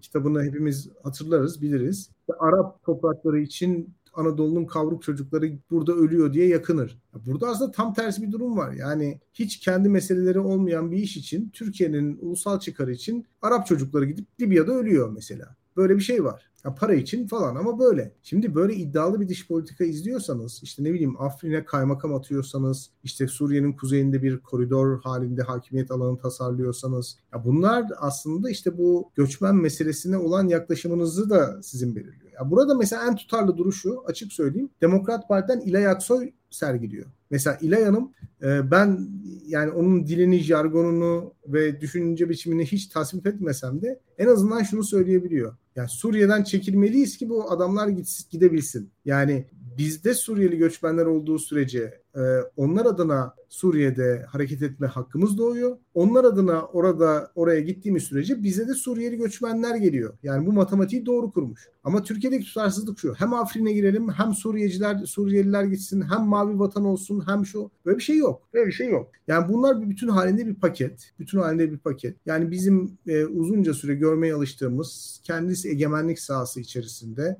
devletin egemenliğini sınırsız, koşulsuz, sorunsuz uyguladığı, e, dolayısıyla e, bu ülke sınırlarından e, geçişin hem göçmenlerin hem turistlerin hem malların hem sermayenin geçişinin çok ciddi anlamda devlet egemenliğine tabi olduğu o dönem artık AKP ile beraber bitti. Yani sınırların muğlaklaştığı, millet tanımının muğlaklaştığı, para kaynaklarının meşruluğunun çok fazla kafaya takılmadığı, bu dükkanı çevirmek için e, işte bir orta ölçekli işletme gibi her yolun mübah kabul edildiği falan bir dönem yaşıyoruz aslında şu an. Yani e, dolayısıyla orada bir e, maalesef bir iradesizlik, şuursuzluk olduğunu söyleyeme söyleyemeyeceğim. Yani dış politikadan ekonomiye, e, işte ne bileyim e, Türkiye'deki rejim şeklinden Türkiye-Avrupa Birliği ilişkilerine kadar uzanan karmaşık bir yapı var ve göçmenler bu işin tam kalbinde. Evet yani aslında göçmen konusu hükümet çok pragmatik olarak çeşitli alanlarda kullandığı bir konu. Yani komplo teorilerine de çok gerek yok bu konu hakkında. Şimdi Burak Hocam ben aslında size e, Meral Akşener'in Afyonkarahisar'daki e, mitingindeki konuşmalarını biraz sormak istiyorum. Özellikle yerel seçimler özelinde e, her partinin e, kendi e, seçime girmesine hatta e, yerel talepler doğrusu, doğrultusunda da çeşitli işte işbirliklerin yapılabileceğini söyledi. Şimdi seçimi de yeni atlattığımız için şunu merak ediyorum. Artık e, İyi Parti, e, işte Meral Akşener artık yeni bir ittifakın içinde bulunmak istemiyor mu? Daha artık tek başına politika mı uygulayacak? Siz nasıl görüyorsunuz? Yani istemiyor tabii. Yani bu altılı masa süreci İyi Parti'nin iyi pazarlık yaptığı, iyi müzakere yapabildiği bir süreç olmadı ve İyi Parti bu süreçten zararlı çıktı. Yani bu süreçten kim karlı çıktı? Bu süreçten aslına bakarsanız bu dört küçük parti dışında kimse de karlı çıkamadı yani. Onlar da işte kendilerini muhtemelen kaybetme durumunda sağlam olabilmek için böyle bir müzakere yürüttüler. Ee, ama İyi Parti zararlı çıktı onu söylemem lazım. Ee, Cumhuriyet Halk Partisi yönetimini pek ırgalayan bir durum yok. Onlar e, hiçbir şeyden etkilenmiyorlar zaten ama Cumhuriyet Halk Partisi seçmeni de zararlı çıktı. Çok üzüldü, çok moralleri bozuldu. 40 ee, tane milletvekili kaptırdılar alakasız insanlara. HDP zararlı çıktı bu süreçten onu söylemem gerekiyor. Yani aslında e, CHP içerisindeki genel merkez kliği dışında iktidarın, e, muhalefetin o iki ana sütunu çok büyük bir iç hesaplaşma yaşıyor. Yani İyi Parti'deki sorun aynı şekilde HDP'de de var. Mesela HDP'de birçok insan niçin ilk turda aday çıkartmadık diyor. Yani ilk turda aday çıkartıp ikinci turdan önce Ümit Özdağ'ın %2 oyla yaptığı pazarlığın fersah fersah, misli misli daha iyisini yapabilirdik diye soran birçok insan olduğunu eminim. E, İyi Parti'de de benzer bir durum var. Biz Cumhuriyet Halk Partisi'nin bir hizbi değiliz diyorlar. Yani dolayısıyla altılı masa süre, süresince hiçbir isteğimizi, hiçbir e, ön koşulumuzu kabul ettiremedik diyorlar. Hepsini geçtim. 6 Mart'tan sonra dahi yani Ekonomi Bakanı'nı biz Bilge Yılmaz olarak atamak istiyorduk. Bunu ilan ettikten bir gün sonra Kemal Kılıçdaroğlu Ali Babacan'la mutfakta işte ekonominin sorumlusu Ali Bey'dir gibi bir video çekti. E, dolayısıyla İyi Partililerin damağında bu ittifaka dair hiç de iyi bir tat kalmadı. Yani bunu anlamak lazım. Bunu bunu bu böyle yani İyi Parti tabanının hissiyatı böyle. Ee, Akşener'in 3 Mart'ta masadan kalkması kimsenin bir sorunu yok İyi Parti tabanında. Ama 6 Mart'ta tabii niçin oturduğuna dair de bir izahat halen daha bekleniyor. Yani bunu da izah etmesini bekliyor insanlar. Ee, yani bununla ilgili Akşener özür diledi engel olamadığı için ama engel olmak elindeydi çünkü. Yani 6 Mart'ta eğer kendi adayıyla gitseydi yani şu sosyal medyanın ya da CHP medyasının gürültüsüne kulak asmadan e, bunu yapabilseydi e, bambaşka bir bir sonuçla karşılaşabilirdik. En azından mecliste çok daha iyi bir sonuç olacağını düşünüyorum. Fakat olmadı. Sorunlar da çok büyük. Onu da söylemem lazım. Ya yani Afyon konuşmasındaki özürle alakalı. O özrün sebebini üzerine düşünmek lazım. Birincisi İyi Parti'nin çok büyük kurumsal sıkıntıları var. E, iki tane kurumsal sıkıntısı var. Daha doğrusu kurumsal sıkıntı yaşamasının iki tane sebebi var. Bunlardan birincisi belediye meselesi. Maalesef belediyelerin kazanılması İyi Parti'yi çok iyi etkili, etkilemedi. İyi Parti CHP ilişkilerini çok bozdu. Çünkü e, belediyeler aslında CHP belediyeleri ve belediye başkanlarının ita amiri Kemal Kılıçdaroğlu. Yani siyasi olarak Kemal Kılıçdaroğlu'na bağlılar. Fakat belediye kaynakları İyi Partililer tarafından da kullanılıyor ve İyi Partililer bu belediye kaynaklarına bir anlamda bağımlı olmuş durumdalar. Yani bu da normal bir şey çünkü siyasi partiler kendi kadrolarıyla yönetmek isterler iktidarları. Yani İyi Partili birisi bürokrat oluyor belediyeye. E bu adam bu, pozisyonda kalmak istiyor yani her bürokrat gibi. Ee, ya da işte bu partiler belediyedeki işleri çözebilirler. İşte ne bileyim işe alım süreçlerinde kendi taraftarlarına yardımcı olabilirler. Türkiye'de siyaset biraz öyle işliyor. O da bir iktidar alanı yaratıyor. Dolayısıyla işte belediyeyle iş yapan, belediyede görev yapan, belediyeyle işte e, vatandaşın işini çözme konusunda yardımcı olan partilerin açıkçası biraz e, ya da o partilerde siyaset yapan insanların bir anlamda bir iktidar alanı oluşuyor. Bu da bir bağımlılık yaratıyor. Dolayısıyla e, herhangi bir siyasi hamle durumunda yani Meral Hanım'ın herhangi bir siyasi hamlesi eğer e, Kılıçdaroğlu'nun siyasi hamlesiyle çakışırsa bu insanlara bir tek koşul öne sürüyorlar. Bu belediye kaynaklarından vazgeçeceksiniz. Yani hatırlarsanız Kemal Kılıçdaroğlu Akşener'in masadan kalktığının ertesi günü belediye başkanlarını topladı. Yani onun bir sebebi var. İl başkanları yerine belediye başkanlarını toplamasının. Çünkü belediyeler iyi partiler için çok önemli. Yani eğer masadan kalkma konusunda kararlıysa belediyedeki bütün İyi Parti bağlantıları ortadan kalkacaktı. Yani bu ilişki kesilecek. E, bu ağırlıklı olarak İyi Parti içerisindeki belirli kişilerin de 6 Mart'ta Meral Hanım'a gidip baskı yapmasıyla sonuçlandı. E, bir de tabii e, şunu da söylemek lazım. Yani bu belediyeler özellikle mesela Ankara Belediyesi ile iş yapanlar daha milliyetçi siyasetçiler. E, Ankara Belediyesi'nin işte kadrolarını dolduranlar daha milliyetçi e, siyasetçiler.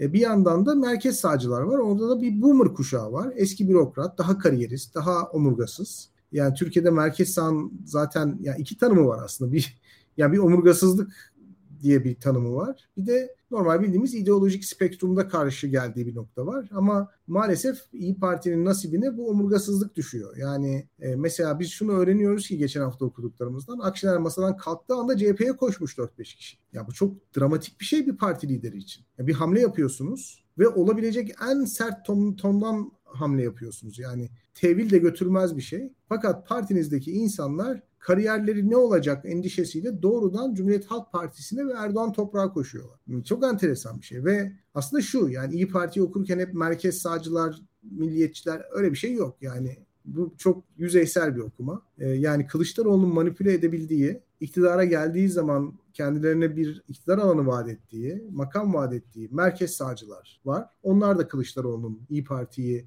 manipüle etmek için kullandığı birer enstrüman. Ya da işte belediye kaynaklarıyla daha haşır neşir olan milliyetçiler var. Onlar da Kılıçdaroğlu'nun siyasi ajandasını e, bir şekilde İyi Parti'de tatbik etmekte yükümlüler. Ve genel başkanı sıkıştırıyorlar. Anlıyoruz ki yani e, Meral Akşener masadan kalktığı zaman böyle parti içinde bir kıskaca uğramış. Özür dilemesinin sebebi o çünkü o kıskacı aşamadı. Ya öte taraftan yine bu merkez sağ milliyetçi okuması yani işte Bilge Yılmaz da masaya dönülmesine karşı. Ya Türkiye dünyada neoliberal okulun en önemli üniversitelerinden bir tanesinde kürsü sahibi Rıdvan Uzda e, karşı. O da Milliyetçi Hareket Partisi'nden gelen birisi.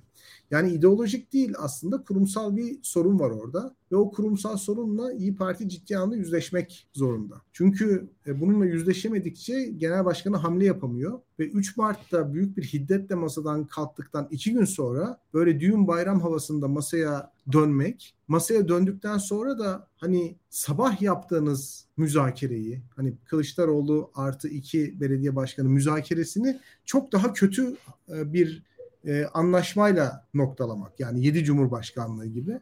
Ali Babacan'ın yani seçimlerde muhalefete büyük oy katkısı olan ve o olmasa hayatımıza nasıl devam edeceğimizi bilmediğimiz Ali Babacan'ın itirazıyla bu sistemin de değişmesi ve sizin bunu da kabul etmeniz çok önemli bir kurumsal zafiyete sebep oluyor. Bunu bunu e, bunu bunu şöyle öyle söylemeliyiz ve bu büyük bir sıkıntı. Yani özrün sebebi o bence.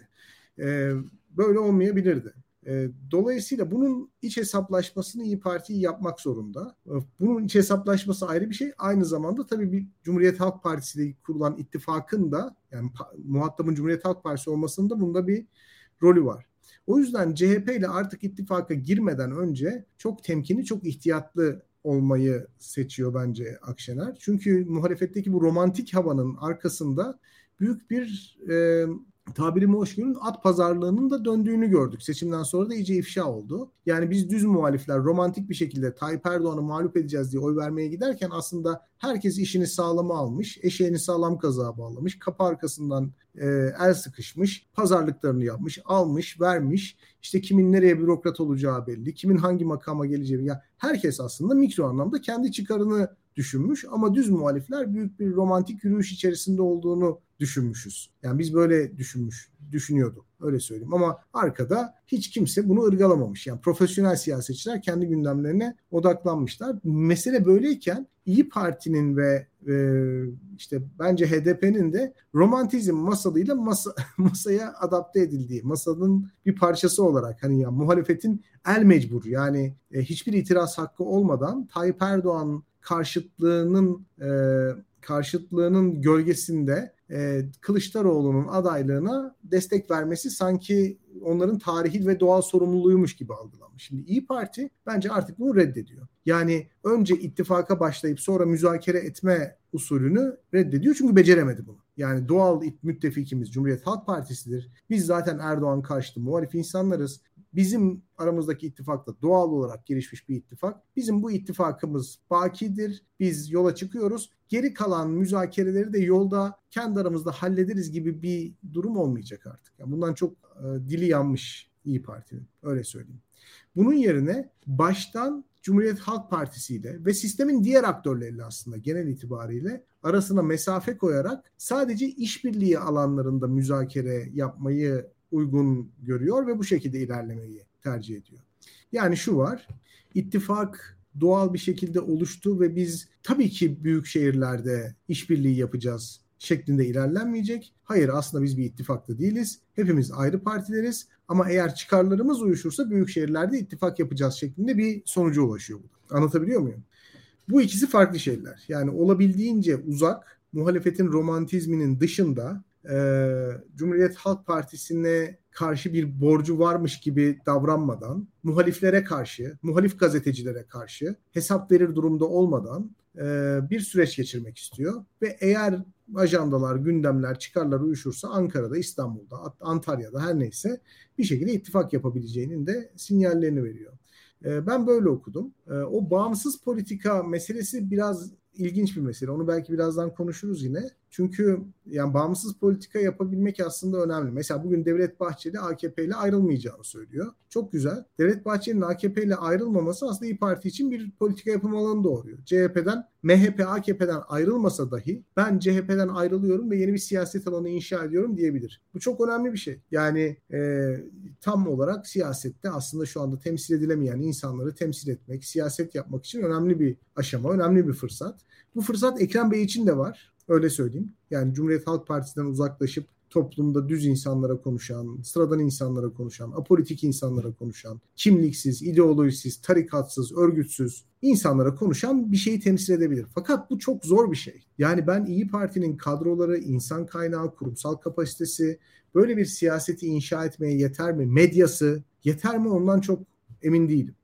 E, o yüzden e, bence e, Meral Hanım da bundan çok emin değil. Çok emin olmadığı için köprüleri de atmıyor. Mesela Kılıçdaroğlu değişmeden biz CHP ile işbirliği yapmayız demiyor. Yani oyunu buradan açmıyor. Böyle bir koşul getirmiyor.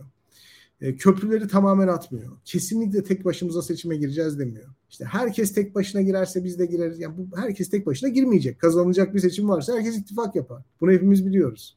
E, ama işte o, o o tonda konuşamıyor yani. Kesinlikle Cumhuriyet Halk Partisi bağları e, ortadan kaldırmıyor. Orada kendisine bir bir bir marj almaya çalışıyor. Yani bir e, çok sert konuşup kendisini bağlamak istemiyor. E, burada de, belirleyici olan şey maalesef bütün bu konuşmalarımın sonunda şunu söylemek isterim. İttifak yapıları, ittifakların kimle kim arasında olacağından ziyade seçmenin nasıl motive edileceği çok daha büyük bir sorunu var. Muhaliflerin de iktidarın da bence. Yani sadece muhaliflerin değil, iktidarın da seçmenini sandığa götürme konusunda büyük bir sorunu olduğunu düşünüyorum. Çünkü baktığınız zaman Erdoğan seçmeni de Kılıçdaroğlu seçmeni de %25 oranında verdiği oydan pişman gözüküyor. Yani e, artık birbirleriyle değil bu partiler ciddi anlamda siyasetten ve sandıktan soğumuş insanlarla mücadele etmek ve onları motive etmek zorunda kalacaklar. Şimdilik bu kadar. Evet Burak Hocam yani şöyle bu kadar büyük pişmanlıklar olduğu zaman işte İyi Parti'nin görece daha özel davranması hareket alanı daha da arttırabileceği olumlu yönde düşünüyorum. Özellikle masada hareket alanı çok daralmıştı İyi Parti'nin. İlkan birazcık sana sosyolojik bir soru da sormak istiyorum. Özellikle mesela İyi Parti'nin seçmen profiline baktığımda evet hani gerçekten e, kayda değer bir seçmeni var. Fakat küçük bir alanda e, kümelenmiş bir seçmen değil. Aslında haritada dağılmış bir seçmen bu. bu özellikle yerel seçimlere giderken e, İyi Parti nasıl bir politika yapabilir? E, bölgelerde nasıl oyunu arttırabilir? Sen nasıl düşünüyorsun? Açıkçası Bilgen çok şey anlattı. Bu konuda da söyleyecek çok şey var. Ee, gelecek programlarda Türkiye'nin siyasal durumu hakkında e, bir şeyler yazıp da söylemek e, gerekiyor artık diye düşünüyorum. Ee, İyi Parti açısından şöyle bir sıkıntı var. İyi Parti'nin bir normal sosyal olarak oy aldığı seçmen grubu var. Burada e, kadınlar ve gençlerde yeterli e, oyu yok. Daha ziyade orta yaş üzeri e, seçmenlerde e, belli bir e, eğitim sahibi olan bir kitlede bir oyu var İyi Parti'nin açıkçası. E, son seçimde birazcık daha e, bence ya hemen hemen aynı oy aldı ama oy oranının değişimine baktığınız zaman aslında son seçimde oy aldığı yerler birazcık daha çeşitlendi. O açıdan bir iki enteresan hareket var İyi Parti'nin sosyolojik yapısında bence. E, fakat bir de e, rahatlıkla oyuna ulaşabileceği bir seçmen grubunun olduğu yerler var. Memleket Partisi, Zafer Partisi, işte Büyük Birlik Partisi, e, ve hatta Yeniden Refah Partisi seçmenleri gibi İyi Parti'nin e, ulaşabileceğine benim inandığım bir seçmen grupları var oralarda. E, ama buna ne kadar ulaşabilir? E, bunlar soru işareti. Yerel seçimler için şöyle bir durum vardı. Yerel seçimlerde Türkiye'de 2004 yılından beri yerel seçimleri izlersek Aybike, e, Milliyetçi Hareket Partisi'nin, İyi Parti'nin öncü partisi olarak aslında genel seçimlerde aldığı oydan hep yerel seçimlerde daha yüksek oy aldığını görürüz. E, İyi Parti'nin böyle bir üçüncü nokta, e, üçüncü yol gibi bir yer e, kendini açabilir mi? Kolay değil şu anda çünkü şöyle bir durum var. E, MHP'nin o iyi oyanmasını da şöyle sağlıyordu. Mesela MHP Çankırı'da aday gösterdiği zaman Çankırılı CHP'liler MHP yerine yani AKP kazanmasın. CHP'nin zaten şansı yok. O yüzden e, Çankırılı tüm CHP'ler MHP oy veriyorlardı. E, atıyorum e, yani MHP yani neredeyse Anadolu'daki 50 ilde CHP'lerin oyunu alıyordu yerel seçimlerde ve onun aldığı heyecanla bir şekilde o oyları yerel seçimde yükseliyordu. Buna benzer bir e, hareketi İyi Parti yapabilir mi? Yani sosyal olarak zor. Şöyle bir durum var. İyi Parti'nin bir şanssızlığı. Yani Türkiye'de İyi Parti'nin birinci olduğu ilçe sayısı bir ya da iki falan gibi olması lazım. Çok az yani. Böyle bir e, sıkışmış bir hani e, konsantre bir oyu yok İyi Parti'nin. O dezavantajlı İyi Parti ama bu demek değildir ki bir ittifak pazarlığı yapılamaz falan yapılabilir. E, ve adayların etkili olduğu yere doğru adaylarla falan e, İyi Parti kendine bir yer bulabilir diye düşünüyorum. Esasında İyi Parti sosyal olarak e, hani sosyolojik soruyorsan şu anki Türkiye şartlarında mesela e, belli ölçüde e, ülkenin ben e, fikren sağa kaydığını görüyorum. Yani orada İyi Parti'nin durduğu yer e, Türkiye'nin gidişatının çok ötesinde farklı, aykırı bir yer değil. Ama e, bunun oyunu alabiliyor mu? Alamıyor. Yani e, net bir şekilde örgüt kapasitesi yetersiz. Zaten Bilgehan onu e, anlattı. Ben de üzerinden bir daha da geçebilirim. Yani bu, bu oyunu alamıyor. Yani şimdi mesela yer seçimler için söyledik. Hani sandıklara sahip çıkma meselesini. Yani tamam CHP sahip çıkamadı da İyi Parti de yok zaten yani sandıklara sahip çıkan bir organizasyon yok. Veyahut da işte geçen yerel seçimde İyi Parti'nin belediyesi yok. Neden? Çünkü aslında sandıklara sahip çıkamadığı için bence belediyesi yok. Yoksa İyi Parti'nin örgütleri kuvvetli olsaydı bence Balıkesir gibi, Manisa gibi, Denizli gibi yerlerde bence seçimi kazanma şansı da vardı. Yani oralarda İyi Parti geçen seçimde de yerel seçimlerde birçok yeri alabilirdi. Ee, bazı illerde Niğde gibi ittifak hataları yapıldı. Mersin gibi yerlerde yine hatalar yapıldı. Ee, ve aslında en basitinden mesela Mansur Yavaş İyi Parti'den aday olmadı. Yani Mansur Yavaş'ı ikna edemedikten sonra siz İyi Partililer olarak yani Mansur Yavaş'ı İyi Partili olma ikna edemedikten sonra hangi e, daha kimi önce onu ikna etmeniz lazım mesela. İyi Parti'nin ikna etmesi gereken ilk kişi o diye düşünüyorum. Yani... Ve orada İlkan şöyle bir sorun var. Yani Mansur Bey de yani milliyetçi kadrolarla çalışıyor. Evet. Baktığımız zaman. Yani Ankara Belediyesi'nde şu anda pek CHP'li yok. Ya Doğru. CHP seçmeni açısından üzülüyorum ben açıkçası hakikaten. Yani CHP logosuyla bir belediye başkanı var ve belediyede pek CHP'li yok. Ya baktığınız zaman o müdürlüklerde kadın yoktu bir sene öncesine kadar. İnsanlar itiraz etti e, ki bir, bir, bir tane numunelik bir kadın yönetici atadılar ya, yani. Şöyle söyleyeyim Mansur Yavaş iyi Partili olsa daha çok kadın olurdu orada. Yani şimdi CHP'li evet. olduk iyice Aynen hesapsız öyle. noktada geldi ve aşırı Tabii. Mansur Yavaş belediyesi hale geldi. Ben Ama orada Mansur Yavaş'ın bir fonksiyonu var işte İlkan. Mansur Yavaş'ın bir fonksiyonu var. Milliyetçi gruplarla bu kadar çok bağımlılık ilişkisi kurduğu zaman onlar da İyi Parti içerisinde yer aldığı zaman e, Mansur Bey de kendi İTA amiri olan Kılıçdaroğlu'na e, biat ettiği zaman Kılıçdaroğlu dolaylı olarak İyi Parti içerisinde çok fazla piyona sahip oluyor. Böyle bir şey. Yani aslında Kılıçdaroğlu'na karşı da Mansur Yavaş'ın elini kuvvetlendiren bir şey var. Yani Mansur Yavaş da otonomisini e, boş yere kazanmadı. Yani o da Kemal Bey'e diyor ki Kemal Bey siz bana karışmayın. Burayı ben yönettiğim sürece sizin aslında İyi Parti içerisinde bir gücünüz var. Ben sizin adınıza İyi Parti içerisinde bir gücü temsil edebilirim.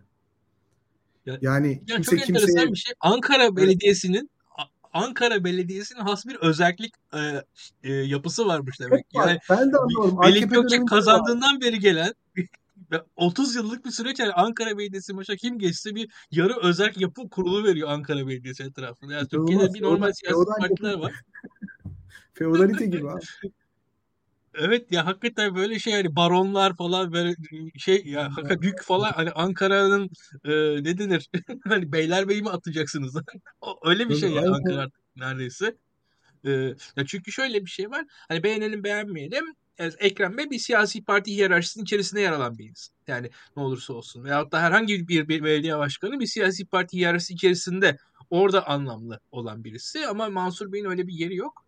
Ee, o enteresan bir şey. Bir de şöyle bir şey var İlkan. Mesela Ekrem İmamoğlu'nun çalıştığı kadrolar hakikaten yani baktığınız zaman işte e, genelde pek fazla bir e, patrimonyal ilişkiye girmeyen ya da patronaj ilişkisi içerisine girmeyen, kendi emeğiyle okumuş, sınav kazanmış, hı hı. özel sektörde proje bitirmiş, başarılı olmuş, kendisini ispatlamış, daha sahipsiz ama daha başarılı, kendi emeğine yaslanan, kariyeri de etkileyici insanlardan oluşuyor. Yani bunu da kabul etmek lazım. Yani daha profesyonel bir yapı var İstanbul'da. Yani Ankara Belediyesi'ne baktığınız zaman maalesef bunu göremiyoruz. Maalesef göremiyoruz. Bu arada... Ve o biraz önce dediğim gibi yani Ekrem Bey'in profesyonellerle çalışması ve aslında etkili çalışması CHP içerisinde başka problemler yaratabilir. Çünkü parti teşkilatı daha partizanca yönetilmesini ister belediyenin. Belediye başkanı daha profesyonel yönetilmesini ister. Burada bir çatışma olur. Çözülür, çözülmez ayrı bir şey. Ama Ankara Belediyesi'nde gerçekten çok enteresan bir şey var. Ee, sanki belediyenin partizanlaşması ve belediye başkanının bu partizanlaşmayı başka bir amaç için yönetmesi gibi bir durum söz konusu. Yani bugün baktığınız zaman Ankara Belediyesi Melih Gökçek zulmünden kurtuldu. Mansur Bey aslında İyi Parti kurulmadan önce çok daha önce 2009 senesinde aslında Türk siyasetinde bir tarzı öne çıkarttı. Daha makul, daha işte sağ seçmeni çekebilecek ama sol seçmenin de alerjisini toplamadan siyaset yapan bir tarzı ortaya çıkarttı. E, 2009-2014 seçimlerindeki performansı muazzamdı. Bunu da söylemek lazım. Fakat 2019 seçimlerinden sonra yani baktığınız zaman evet Türkiye'de çok sevilen, çok kendi kişi kişisel karizması çok yüksek olan muhtemelen Cumhurbaşkanlığı adayı olsaydı da iyi oy alabilecek, seçimi de kazanabilecek bir aday olmasına rağmen aslında orada İyi Parti ile Cumhuriyet Halk Partisi arasındaki ilişkileri düzenleyen de bir rol oynadığını görüyoruz. Bu çok ilginç bir şey. Bakın yani İyi Parti ve Cumhuriyet Halk Partisi arasındaki ilişkileri düzenleyen, İyi Parti'nin altılı masa sürecindeki hareketlerini şekillendiren bir Mansur Yavaş faktörü var. Mansur Yavaş'ın İyi Parti listesinden seçime girmesi durumunda yani İyi Parti listesinden seçime girseydi ve İyi Parti belediye başkanı olsaydı bence Cumhuriyet Halk Partisi ile İyi Parti arasındaki ilişkiler böyle olmazdı. Daha farklı olurdu. Ya bunu açık söyleyeyim. Ya da Mansur Yavaş Kemal Kılıçdaroğlu ile çatışmayı seçseydi. Ona e, ram olmak yerine onunla çatışmayı seçseydi böyle olmazdı. Çok daha farklı seyrederdi. Ben o yüzden bu ittifak içerisindeki en kritik aktörün hakikaten Mansur Yavaş olduğu kanaatindeyim. Evet kesinlikle yani Pardon sözünü kestim İlkan'cığım ama sen de bunları söyleyecektin. Ya, e, şunu da söyleyeyim bu arada. E, biz böyle genelde e, uzun süredir seçimlerden sonra pek siyaset konuşmadık. Siyasetin kenarında canımız da konuşmak istemedi. Az konuştuk öyle söyleyeyim. E, bunu da ifade etmem lazım. Muhalefet çok dağınık durumda. E, muhalefetin şu anda e, hükümete dair bir e, açıkçası ben söylemsel de bir gerileme yaşadığını görüyorum. Özellikle bu Mehmet Şimşek e, ve ekibi geldikten sonra e, enteresan bir şekilde muhalif kamuoyu önderlerinin politika ve söylem geliştirme konusundaki kapasitelerini de ne de terk ettiklerini ve adeta hükümeti bir şekilde oyunun dışında görür. Hükümeti siyasi yani hükümeti siyaset alanının dışına doğru ittiler neredeyse. Yani siyaseti biz siyaset dışında yapıyoruz neredeyse. O hali garip bir noktaya geldi Türkiye. Ama şöyle bir durum var. Ee, bizim entelijansiya tabii ki her zaman olduğu gibi milletten bağımsız bir entelijansiya. Ee, Türkiye'den habersiz bir entelijansiya. Ee, ciddi şekilde ben şu an e, hükümete tepki olduğunu düşünüyorum. Ve bu konuda mesela bazen e, insanlar işte e, diyorum anket düşüyor, halk röportajı düşüyor falan. Oradaki insanlara bizim muhalif dostlarımız tepki gösteriyorlar da seçim sonrasında Tayyip Erdoğan verdiği vaatlerin tamamında başarısız olmuş durumda şu an. Ve e, yaptığı atamalar aslında kendi başarısızlığının e, sınaması. Adeta yani kanıtı olan atamalar. E, ve bunun sonucunda şu anda e, iktidarı destekleyen tarafta da ciddi bir erimenin olduğu kanaatindeyim. Ve şunu görmek lazım. Bu konuda e, muhalif entelijansiya yine şeyi analiz edemedi seçimleri. E, o konuda da e, gerçekten biraz benim de hatam var. Bir şeyler oturup yazmam lazım Yani mesela Yeniden Refah Partisi diye bir olgunun e, ne kadar büyük bir olgu olduğunu ve Yeniden Refah Partisi'nin e, ve e, Fatih Erbakan'ın adaylığının engellenmesinin Tayyip Erdoğan'ın Cumhurbaşkanlığının seçimini tekrar kazanması sürecindeki en önemli faktörlerden bir tanesi olduğunun bile farkında değil insan. Ve şu anda da e, aynı sürecin e, devam ettiğini ben görüyorum. Ve meclisteki oylamaları izlersek 5 tane yeniden Refah Partili vekilin iktidarla beraber oy kullanmadığını, birçok oylamaya katılmadığını, neredeyse üçüncü bir yol izleyerek oylamalara katılmayan bir parti olarak orada yer aldığını görüyorum. Şu anda ya bizim e, çok enteresan bir şekilde muhalif muhaliflerimiz muhalefeti bıraktıkları sırada bir yeniden Refah Partisi'nin muhalefet yapma görevini almaya başladığını görüyorum şu anda. Ve bunun e, yani e, açıkçası çok e, çıldırtıcı bir şey yaşanıyor şu an. Farkında yani ben ürküyorum, korkuyorum. Türkiye açısından bir e, hani Türkiye üzerine düşünen bir insan olarak korkuyorum. Çünkü gidişatta Adalet ve Kalkınma Partisi'nin muhalif partisi olarak Yeniden Refah Partisi'nin çıkacağı bir Türkiye olabilir bu gidişte. Yani biz biz böyle bir siyaset dışılık içerisine girersek yani bunun gidişatın bu tarafa doğru olduğunu görüyorum şu an. Yani bu kadar Hüdapar'ın gündemi belirlediği, evet. Yeniden Refah Partisi'nin gündemi belirlediği yani, ve bizim de bunun peşine takılıp bir şekilde evet. ya şöyle bir şey var. Bir de bu, bu adamlar AKP'nin temposunu da belirliyorlar. Yani orada bir, bir bir ne derler? ihale var aslında. Tabii ve çıtayı üste koydukça AKP de onlara karşılık vermeye çalışıyor. Bu konser yasakları falan aslında baktığınız zaman e, bir, bir, bir rekabeti gösteriyor ve o rekabet sekülerlerle AKP arasında rekabet değil.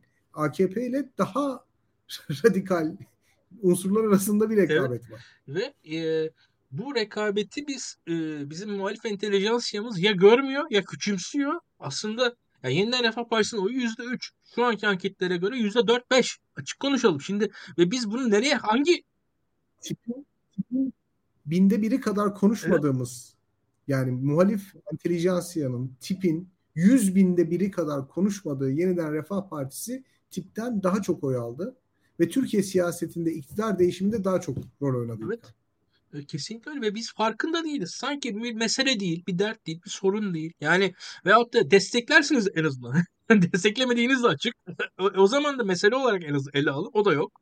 Ee, ve şöyle e, bir konu hakkında bilgi sahibi de olmayabilir insanlar. O da illa dert değil ama en azından e, seçim sonucu açıklandı. Orada rakamları gördük biz. Yani ve şöyle bir durum var. Seçimlerden sonra biz hep beraber oturduk. Türkiye'deki mesela ben yabancı basına bir röportaj verdim. İşte milliyetçi yükseliş var mı yok mu? Türkiye'de işte genç erkek seçmenlerin tepkisel hareketleri falan bunlara da e bir yeniden Refah Partisi diye bir parti var orada. Onun hakkında niye konuşulmuyor? Yani hakikaten bizim bir e, kapasite sorunumuz olduğu da açık. Ve e, ya Tayyip Erdoğan seçimden önce ne yaptı? E, ben buna bakıp e, en azından seçimleri şunları şunları şunları yaptığı için kazandı dediğimiz zaman işte mesela faiz oranları, mesela ittifak ilişkileri, mesela muhalefetin tasarlanması gibi e, konular üzerinden konuşuyor. Mesela devletle olan ilişkiler, dış politikadaki dönüşümlerini, e, seçimli, seçimleri kazanmak için yaptığı hareketleri, yaptığı dönüşümleri konuşabilirken e, yeniden refahı da saymak gerekiyor. Biz, burada yok. E, korkunç bir şey bu. Ve e, açıkçası e, kapasitemizin eksik olduğunu görüyorum ve e, işin daha yani dış politika boyutunu falan daha konuşamıyoruz bile. Yani o konularda e, Türkiye'nin dönüşümleri, Türkiye'nin oynadığı oyunlar ve ya şöyle söyleyeyim. Mesela benim ta- takip ettiğim yurt dışı kaynaklarda Nijer'deki darbenin Libya'ya etkisinin Türkiye yani Türkiye oralarda var. Yani o oyunun içerisinde Türkiye var mesela ve ne yapmak istediğimize dair e, Türkiye'nin ne yapmasının Türkiye için en doğrusu olacağına dair bir e, düşünce tartışması da Türkiye'nin mesela kamuoyunda yok. Bunu görmek lazım. E, Türkiye'de birileri bir şeyler yapıyor. Biz mesela işte atıyorum Rusya'ya dair e, tartışmaları okuyoruz işte. Wagner'in Afrika'daki hareketlerinin e, Rus iç politikasının etkisini Rusya'daki otoriter sistem içerisinde bile konuşuyoruz. Değil mi? Ama e, aynı şeyleri Türkiye'de yapıyor aslında oralarda. E, ama bunun ne etkisi var veya yok e, konuştuğumuzu düşünmüyorum. Ve açıkçası mesela e, o ilişkilerin ortasından bir figür. Hakan Fidan şu anda Dışişleri Bakanı. Hala Dışişleri Bakanı mı? Ne yapıyor? Bu konuda muhalefetin e, bu Dışişleri Bakanı'na karşı tavrı nedir? O da hala ortada yok. Hala entelijansiyanın bir tavrı yok. Açık konuşalım. E, yani bir noktada şunu görmek beni üzüyor. E, Tayyip Erdoğan kendisini Türkiye ile özdeşleştirmeye çalışıyordu. iktidarın e, belli noktalarda e, tırnak içinde liyakat e, temelli yaptığı atamalar e, si, kendisini siyaset dışı ve Türkiye ile özdeş, özdeş halde algılattırmaya başlamış gibi geliyor bana e, muhalefetin belli kısımlarında. E, muhalif e, kimi entel, entel, muhalif öncülerin e, muhalefet yapma iradelerinde azalma e, seziyorum açıkça söylemek gerekirse. E, bunu tehlikeli görüyorum. Bakanlar Kurulu açıklandığı zamanki ilk yayınımda e, söylemiştim bunu. E, iki ay geçti e, neredeyse seçimlerden ve çok daha vahim durumdayız diye düşünüyorum şu anda. Yani e, biz Türkiye'nin muhalifleri oturuyor. E, Merkez Bankası e, faizleri arttırdı diye alkışlama yarışına giriyor. E, gülünç bir durum açıkça söylemek gerekirse. Gerçekten gülünç bir durum. Ve şöyle bir durum var. Yapılan politikalardan e, sıradan vatandaşlar, ya AKP'li sıradan vatandaş olan bir taneden daha şikayetçi muhaliflerden. O hale geldik biz. Yani e, neyin içerisinde olduğumu e, birazcık e, şaşkınlıkla e, al, anlamaya çalışıyorum. E, açıkçası herkese kolay gelsin. Çok teşekkür ederim. Yayınımız artık neredeyse iki saate ulaşacak. Yayını kapatmadan önce Burak Hocam son olarak eklemek istediğiniz bir şey olur mu?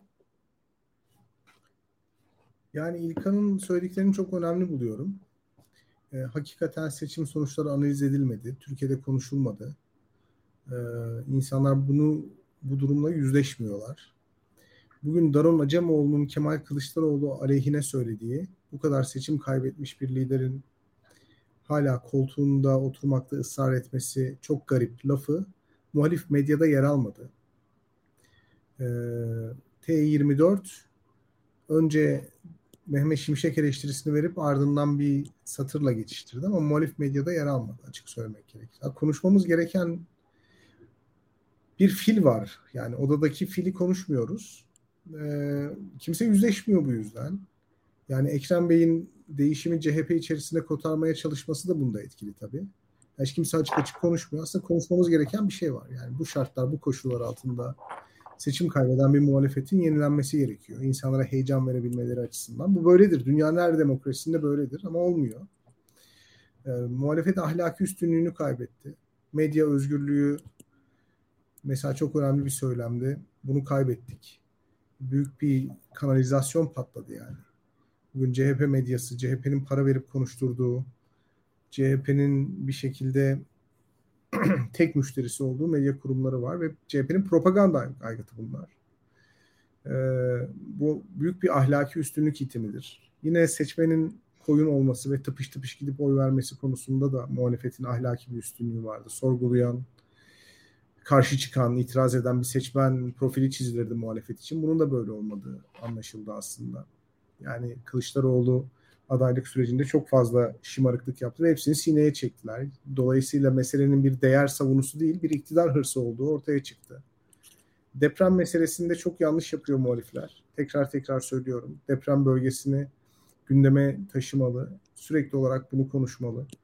Bunu siyasetinin merkezine koymalı. Fakat e, depremin yaşandığı illerde muhalefetin %50'nin altında kalması hakikaten bu insanları suçlamaya kadar götürdüğü işi. Küstüler yani deprem bölgesine anlamadığım şekilde. Burada bir ahlaki üstünlük itimi oldu.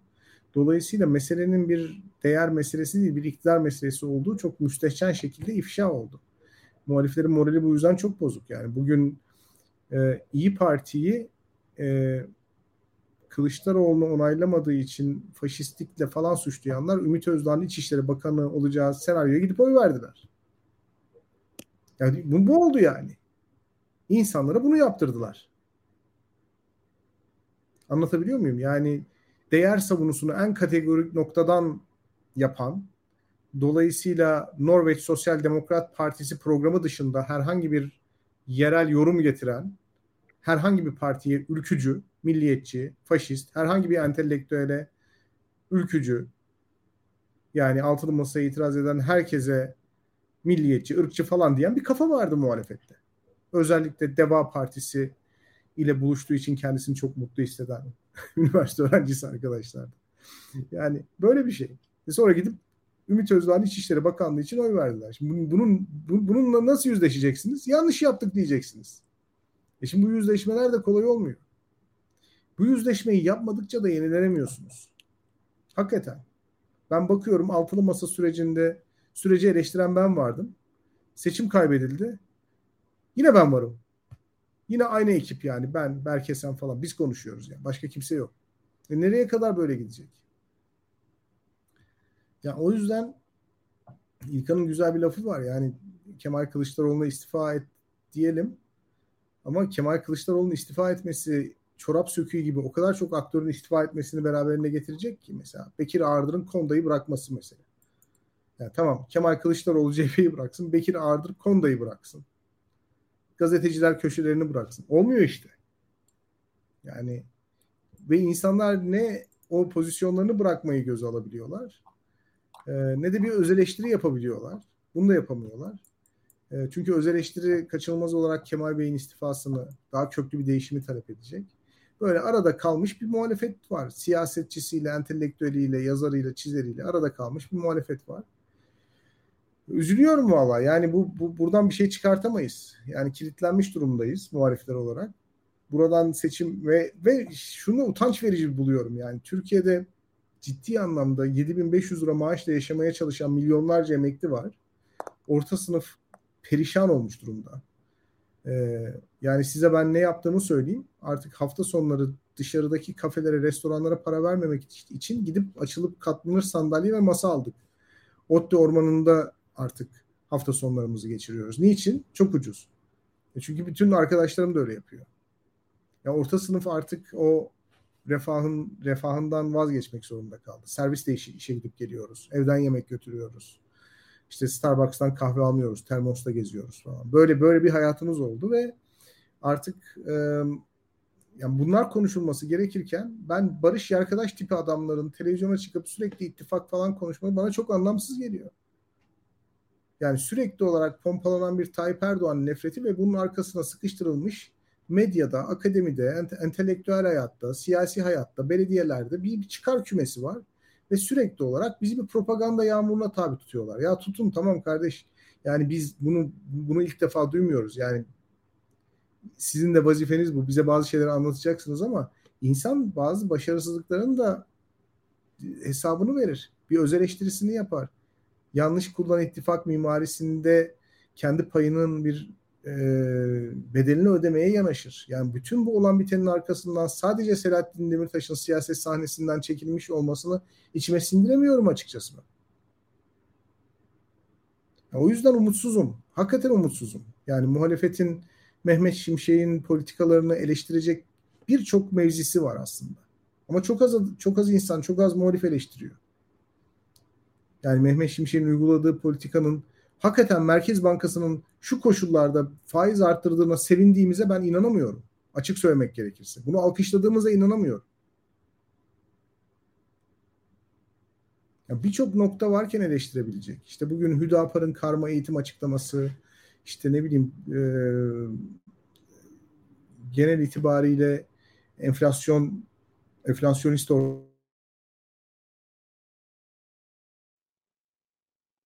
Bende mi kesildi internet? Halen daha e, ilginç bir şekilde kim kimle ittifak yapsın, ayrı mı girsin, beraber mi girsin falan bunları konuşuyorlar. Çok ayıp geliyor bana bunlar açıkçası. Yani depreme dair tek kelime etmedi muhalif siyasetçiler seçimden sonra. Hakikaten bu bana biraz ayıp geliyor. Muhaliflerin de gündeminden düştü.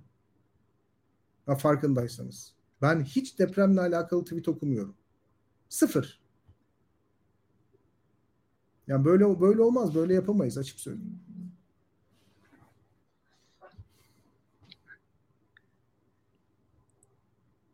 İlkan senin de son olarak son söyleyeceklerini alalım. Sonra yayını yavaştan kapatırız. Şimdi Bilgehan e, daha önceki yayınlarda da söylediklerimizin üzerinden de geçti. Doğru şeyler ifade etti. Ben mesela biraz daha yumuşak konuşayım bu sefer. Ya biz mesela seçimden önce 2-3 sene boyunca bu Dakio'daki yayınlarda bile mesela güçlendirilmiş parlamenter sistem falan konuştuk. Değil mi? Ne oldu? Yani ne oldu yani? Güçlendirilmiş parlamenter sistem. Sanki böyle halkın sistem talebi varmış gibi. Aday önemsiz falan diye girdik. Yani hakikaten güçler parlamenter sistem. Ben hatta o zamanlar e, bir iki defa da şey de dedim yani ben ben zaten liberalim. Benim öyle sistem konusunda çok e, net e, bir tavrım olmaz. Mevcut sistem, yani Cumhurbaşkanı sistemi ise bu düzeltilebilir, demokratikleştirilebilir falan demiştim de kimse ikna edememiştim o zamanlarda. Ve şu anda mesela bu seçimin sonuçlarını yaşadık değil mi? Tayyip Erdoğan %52 aldı ikinci turda da olsa. Ee, halkın güçlendirici parlamenter sistem talebi olmadığına dair bir çıkarımda bulunabilir miyiz acaba mesela? Buradaki pozisyonlarımızı revize edecek miyiz biz? Mesela bir bunu sorayım e, tüm muhaliflere. E, ve şöyle bir durum var. E, mesela işte yani İyi Parti'nin mesela kategorik hatalarından birisi budur. E, onu da söyleyelim. Hani burada aday lazım. Seçimi kazanmanız lazım. Seçimi kazanmak için seçimi hakikaten kazanacak bir adaya ihtiyaç var. Ve o yüzden aslında mesele sistem meselesi değil, aday meselesi haline getirmek sizin için çok daha avantajlı. İnsanların önemsizleştirmeniz sizi giderek geriye doğru götürüyor. Bakın Cumhuriyet Halk Partisi AKP'nin hegemon e, pozisyonuna karşı yıllar boyunca güçsüz kaldığı için uzun süre kendisini şöyle tanımlamaya çalıştı. Mesela CHP'li birisi seçimi kazanıyor, rozetini çıkartıyor. On, ya niye rozetini çıkartıyor? Sen CHP'lisin. Hiç kimseyi kandırmaya gerek yok. Ve sanki onun rozet çıkartmayı bir başarı falan diye adlandırır hale geldik. Ve biz mesela şey gibi partisiz olmak, liyakat falan bunlar mesela AKP'lilik, partililikle muhalefet böyle partisizliği kendini e, nötrlüğe doğru çekmeye çalıştı ama bunlar yalan şeyler. Bunlarla bunlarla siz hayatı yani siyaseti tutturamazsınız. Söylem olarak belki bir noktada sizi idare ettirir ama e, açıkçası size siyaset kaz- e, seçim kazandırmaz bunlar ve bunu seçimde de gördük biz. Çünkü seçimleri zaten e, mesela geçen yerel seçimde biz ancak kazanabilmiştik. Orada da nasıl kazandık? Yerel seçimlerin doğası gereğince ittifak yapılamıyor. Seçimleri bir kişi kazanıyor. Bir belediye başkanı diye bir adam var o kazanabiliyor. Ve orada e, belediye başkanlığı sisteminde en azından belediye meclislerindeki ittifaklarla sistemin döndürülmediğine e, döndürülmesi de bir gelenek Türkiye tarihinde olmadığı için de e, mesela öyle bir gelenek olsaydı biz şey de derdik. E, ya İstanbul Belediyesi'nde şöyle bir ittifak olsun da oraya öyle bir ittifak yönetelim falan da denirdi. Veya Ankara'da Mansur Yavaş falan. Şimdi o, o olmadığı için seçimi evet. kazanabildik biz. İlkan'cığım Deva Partisi ile ittifak yaparlarsa yerel seçimlerden önce yerel yönetimler reformu PDF'leri, ortak çalışma grupları falan hazırlanır. Olabilir hakikaten. Dolayısıyla ya. belediye yönetim kurulu, belediye şirketlerinin nasıl yönetileceğine dair ayrıntılı bir yönetim planı da hazırlanır. Kesinlikle öyle. Kesinlikle öyle. Yani e, çok acayip bir şey yaşıyoruz burada. E, bizim seçimleri e, seçim olmaktan e, yani tekrar tekrar düşünelim. Yani e, şu anda mesela bizim şimdi genel yayın yönetmenimiz Enes değil mi? Enes mesela kendisine 7 tane genel yayın yönetmen yardımcısı alıyorum ben dese. Böyle yöneteceğim Daktilo dese. Yani bilmiyorum sen ne yapıyorsun ya falan dersin. Şimdi 7 Cumhurbaşkanı yardımcısı sistemini biz halka sunduk. Ve bu halk %48'i 7 Cumhurbaşkanı yardımcısına evet dedi. Yani baktığınız zaman hani halkın da e, ciddi bir iradesi varmış demek. Yani %48 7 Cumhurbaşkanı yardımcısı sistemine evet dedi Türkiye. Yani buna bile. Evet. Buna bile. Evet. Ona bile. Biliyorsun abi. Biliyorsun Clio diye bir araba yoktur. Clio bile vardır evet. tamam mı mesela? Clio bile 700 bin lira olmuş dersin tamam mı mesela? Bu 7 Cumhurbaşkanlığı yardımcısına bile evet diyecek kadar bir memnuniyetsizlik var hükümetten. Halen evet. daha var İlkan. Bak çok açık söyleyeyim. Şu anda hükümete duyulan memnuniyetsizlik ve tepki oranı bence seçim öncesinden daha fazla. Kesinlikle. O tüketici güven endekslerinde falan gözüküyor zaten bu. Şu an inanılmaz bir tepki var vatandaşlarda. Ve e, işin komiği şu vatandaşların tepkisi şu anda Twitter'da yumuşatılıyor Bilgehan. Yani inanılmaz bir şey. Vatandaşlardan gelen tepki mesela eskiden şöyle bir şey vardı. 3-4 yıl öncesinde vatandaştan bir tepki gelirdi. Twitter'daki muhalifler bu tepki alırlar, işlerler, söylemleştirirler, birbirleriyle paylaşırlar. Bundan espriler, mizahlar, söylemler üretirler. O tepki e, Twitter'dan mesela Twitter'daki muhaliflerden tarafından daha da e, güçlendirilerek, e, yankılanarak bir şekilde yayılırdı. Şu an vatandaşların tepkisi Twitter'a geliyor. Twitter'da dalga konusu oluyor ve vatandaşları geri dönüyor. E, o noktada şu an. Yani yaşadığımız şeyi adını koymamız lazım. Çok korkunç bir şey yaşıyoruz şu an. Yani şu an e, yani ben mesela hükümet politikalarından rahatsız bir vatandaş olarak tepkimi göstersem Twitter'da alay konusu olurum. Ya kardeşim zaten seçtiniz falan diye böyle. Yani gerçekten çok komik bir durum şu anda yaşanan. E, ve e, burada biraz e, oturup yani dikkat etmemiz lazım. Yani hakikaten de e, ülkeyi okumamayı geçtim hiçbir şeyin farkında değiliz gibi ve e, yani şu, şu yaşanan e, sürekli fakirleşme, sürekli e, tüm bedellerin halka ödettirilmesi ve e, açıkçası insanların içinde yaşadıkları o sıkışmışlık korkunç bir noktaya kalmış durumda ve e, inanılmaz bir şey. İnanılmaz bir şey. Yani korkunç ve muhalefetin lideri yok. Evet. Muhalefetin lideri yok. İlkan. Yani bu işleri derleyecek, toparlayacak, insanları örgütleyecek, bir söylem geliştirecek. Kesinlikle öyle. Hakikaten çok enteresan ya ben ya ya, ya Özgür Demirtaş Mehmet Şimşek'i övüyor fakat ben faturamı ödeyemiyorum. Hı hı. Böyle bir noktadayız. Milyonlarca insan faturasını ödeyemiyor ve Özgür Demirtaş övdüğü için birkaç tane işte böyle bilinen ekonomist övdüğü için de iyi iyi olmuş falan diyor insanlar yani. Aslında temsil edilmeyen öyle. Ya Türkiye'de zaten şöyle bir durum var. Ya Türkiye'de cezaevinde 300 bin kişi varken açıkçası diyelim Cevdet Akçay neden bu hükümetten görev kabul ediyor diye soran Türkiye'de liberaldi. Yani esas sıkıntı bir de bu. Yani ya kardeşim sizin hiçbirinizin e, tek ilkeniz faiz oranları mıdır? tek ilkeniz, tek e, hani pusulanız faiz oranı mıdır? Bu, bu da ya ne kadar bir ülkede düşük kapasiteli entelektüeller, düşük kapasiteli e, elitler varmış. Bir daha da burada görmüş durumdayız açıkçası. Yani Gördük şu anda e, ya Putin'in Merkez Bankası Başkanı da gayet liyakatli bir insan biliyorsunuz. Yani belli görevleri ya belli hükümetin e, içerisinde olan insanlar bu hükümetin yaptığı politikaları da öyle ya da böyle onaylar pozisyonda. E şimdi e, Merkez Bankası Başkanı olanı da ah ne güzel oh, yani hakikaten korkunç bir şey şu yaşananlar ve biz e, kendisini liberal olarak adlandırdık. Kendisi en azından modern siyasal e, kavramlar içerisinde kendisini tanıtan, sosyal demokrat, liberal, daha ziyade e, kurum kültürü üzerinden kendisini tanıtan insanlar ekonomi doğru düzgün işlesin de okey. Tamam ekonomi gene doğru düzgün işlesin. Ama açıkçası Adalet ve Kalkınma Partisi'nde faiz oranlarının ne olacağını bilmeyen adam, yani bilen adam yoktu da e, o yüzden durum bu böyle değildi ki. Liyakat sorunu falan yoktu ki AKP'de. Ya hala zaten e, öyle zanneden e, saf insanlar var. Ve işin komedisi şu, bu liyakat konusunda e, yani kendi kendimizi iyi diş ettik diye düşünüyorum geçen yıllar içerisinde. E, ve bu noktadayız. Liyakat, liyakat, liyakat dedik ve şu an hükümeti eleştirmez hale geldik. Rezalet. Evet, öncelikle tüm izleyicilerimize teşekkür ederim. İki saat boyunca bizi izledikleri için. Bir de yayınlarımızı beğenmeyi ve paylaşmalarını rica ediyorum daha geniş kitlelere ulaşabilmemiz adına. Herkese iyi akşamlar. İyi akşamlar.